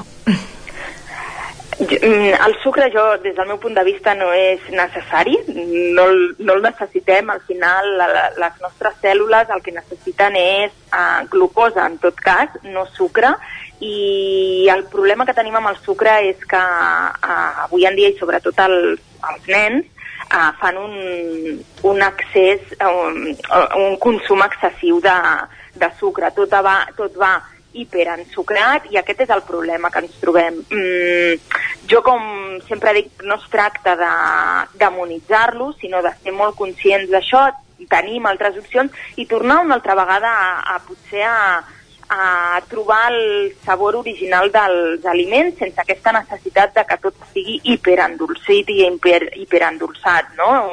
Eh, mm, llavors una mica eh, és evident que no podem mm, allunyar-nos o, o, o aïllar-nos no? de, del, de la societat en la que vivim, del, del, del que tenim, però sí que ser conscients i intentar, doncs, jo és el que dic, doncs, a casa hi ha altres tipus de, de sucres, com, com pot ser el sucre de coco, en el iogurt no li posem sucre, no? Coseta, actes d'aquests, no? Que no, bueno, doncs no fa falta que, que no fa falta consumir-lo. Ara bé, si un dia van a una festa d'aniversari, doncs aquell dia és probable que mengin aliments que porten sucre, no? I al final és intentar el que he dit abans, al final es tracta d'intentar trobar l'equilibri. Ara, en el dia a dia, fer falta? Mm, no ens fa falta el sucre. Queda clar. Marta Ramos, nutricionista, gràcies per ser avui a, a la Foc Lent i fer-nos aquesta recepta d'aquest brownie saludable. Gràcies i bon dia. Gràcies a vosaltres. Bon dia.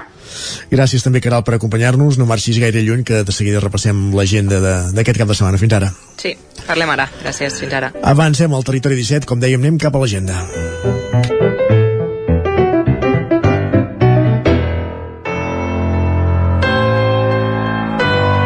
Territori, Territori 17. 17. Territori 17.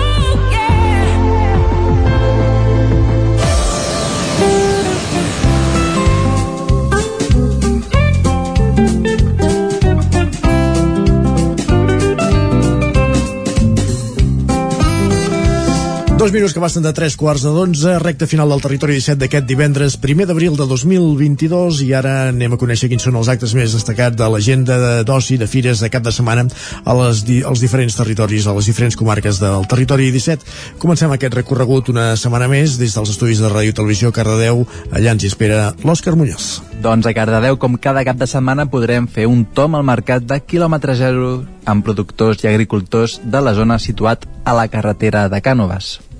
A Granollers aquest cap de setmana hi haurà molt ambient amb totes les fires que hi hauran. Avui a les 9 del matí ha començat el mercat del disc i serà durant tot el dia a la plaça de Lluís Perpinyà on podrem trobar discs de vinils a bon preu com els singles a un euro. Aquest mercat també el trobarem dissabte.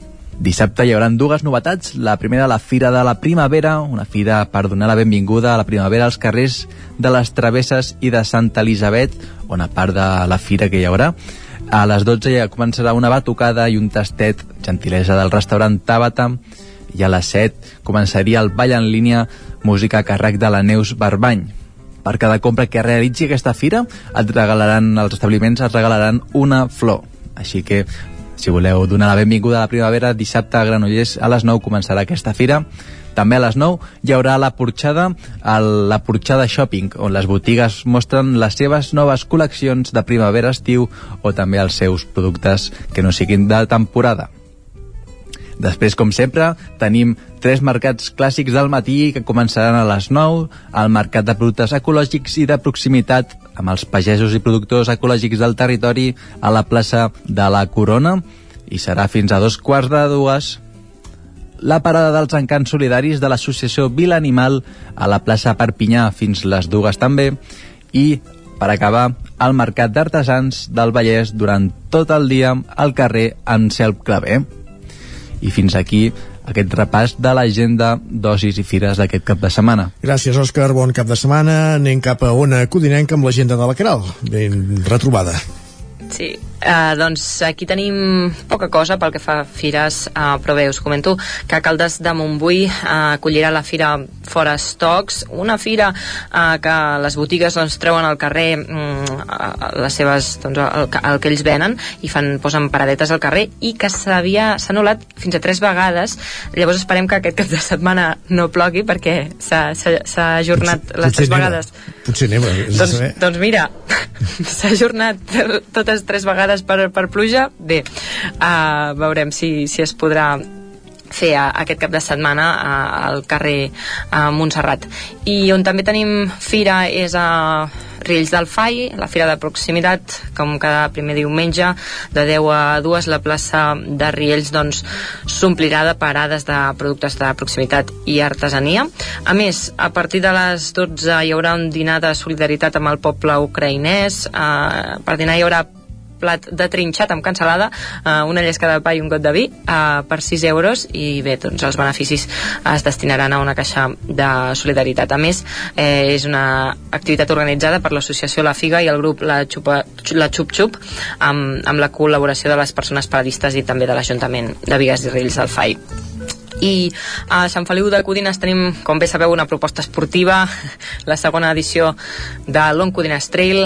Aquest dissabte mm, començarà, doncs els equips començaran a córrer o caminar des de les 7 del matí eh, i bé, com sabeu, des de Granollers, sortida de Granollers i arribada a Sant Feliu de Codines amb una petita festeta final. Eh, I acabo l'agenda amb el Moianès, eh, que tenim la festa del porc eh, al Molinou de Mollà amb l'eslògan no és una festa, és una farra el Molinou Sí, aquest dissabte doncs, acollirà la 14a edició de, de la Festa del Porc amb, bé, amb dinar popular, activitats infantils, eh, jocs rurals, xocolatada, sopar eh, i concerts.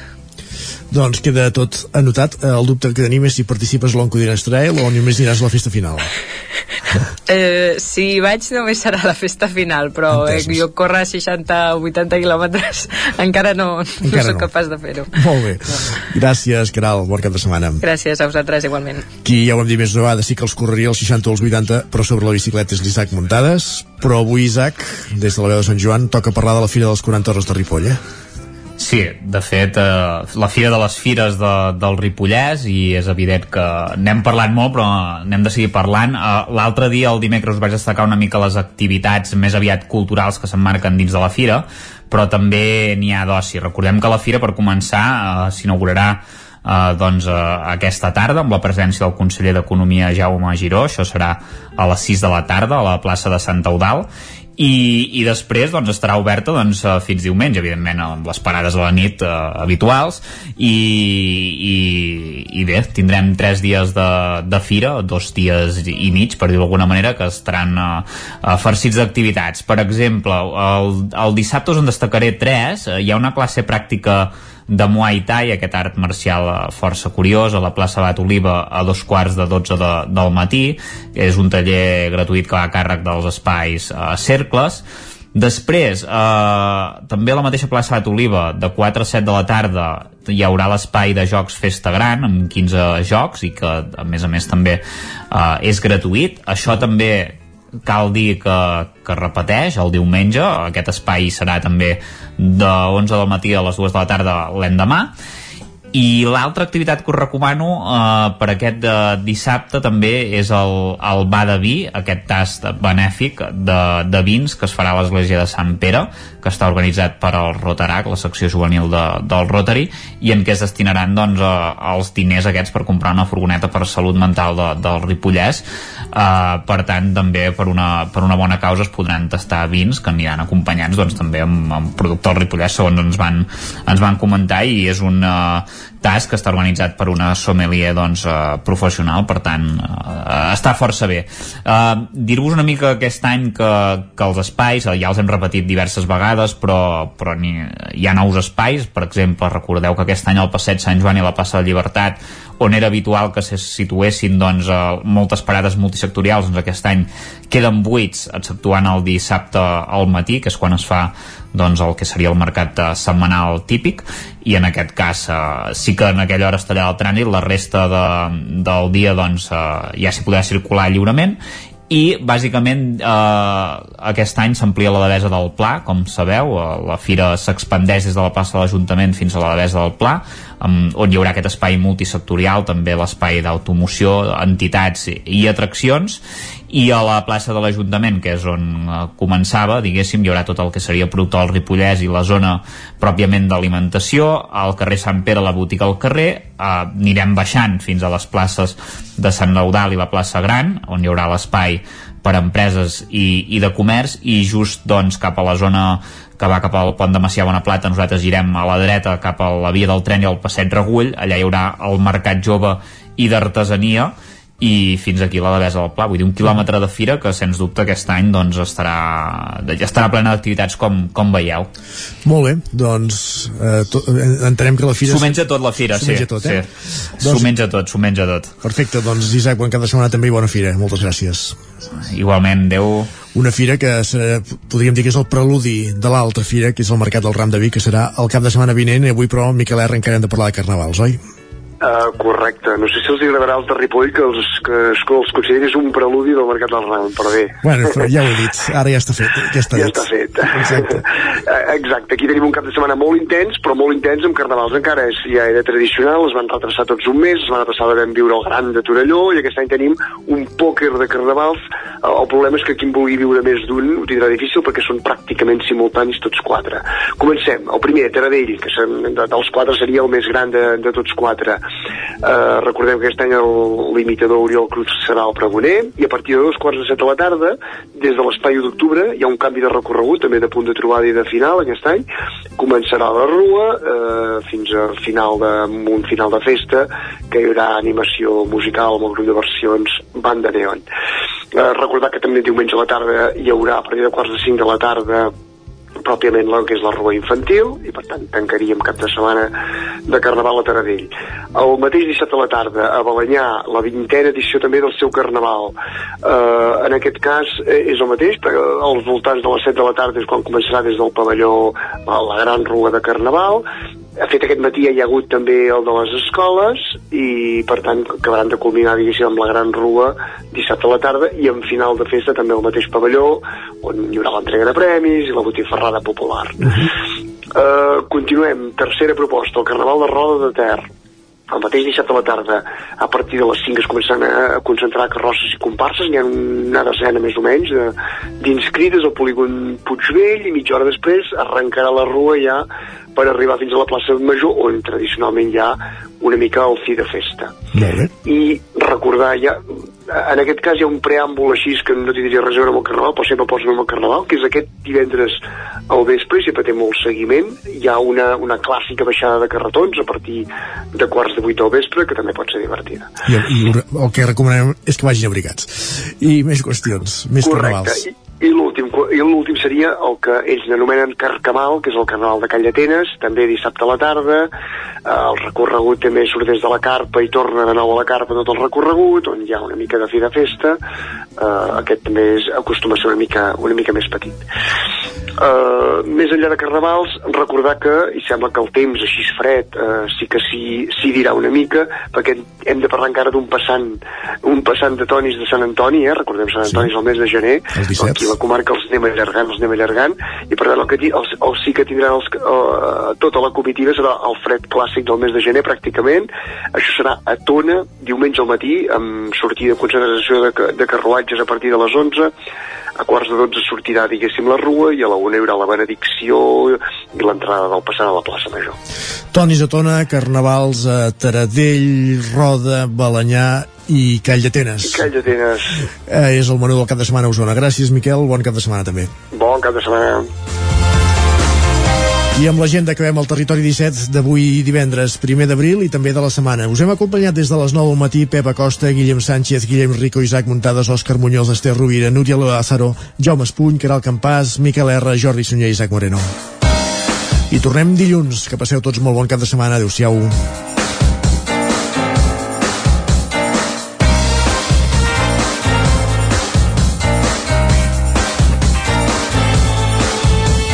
Territori 17, un magazín del nou FM. La veu de Sant Joan, Ona Codinenca i Ràdio Cardedeu amb el suport de la xarxa.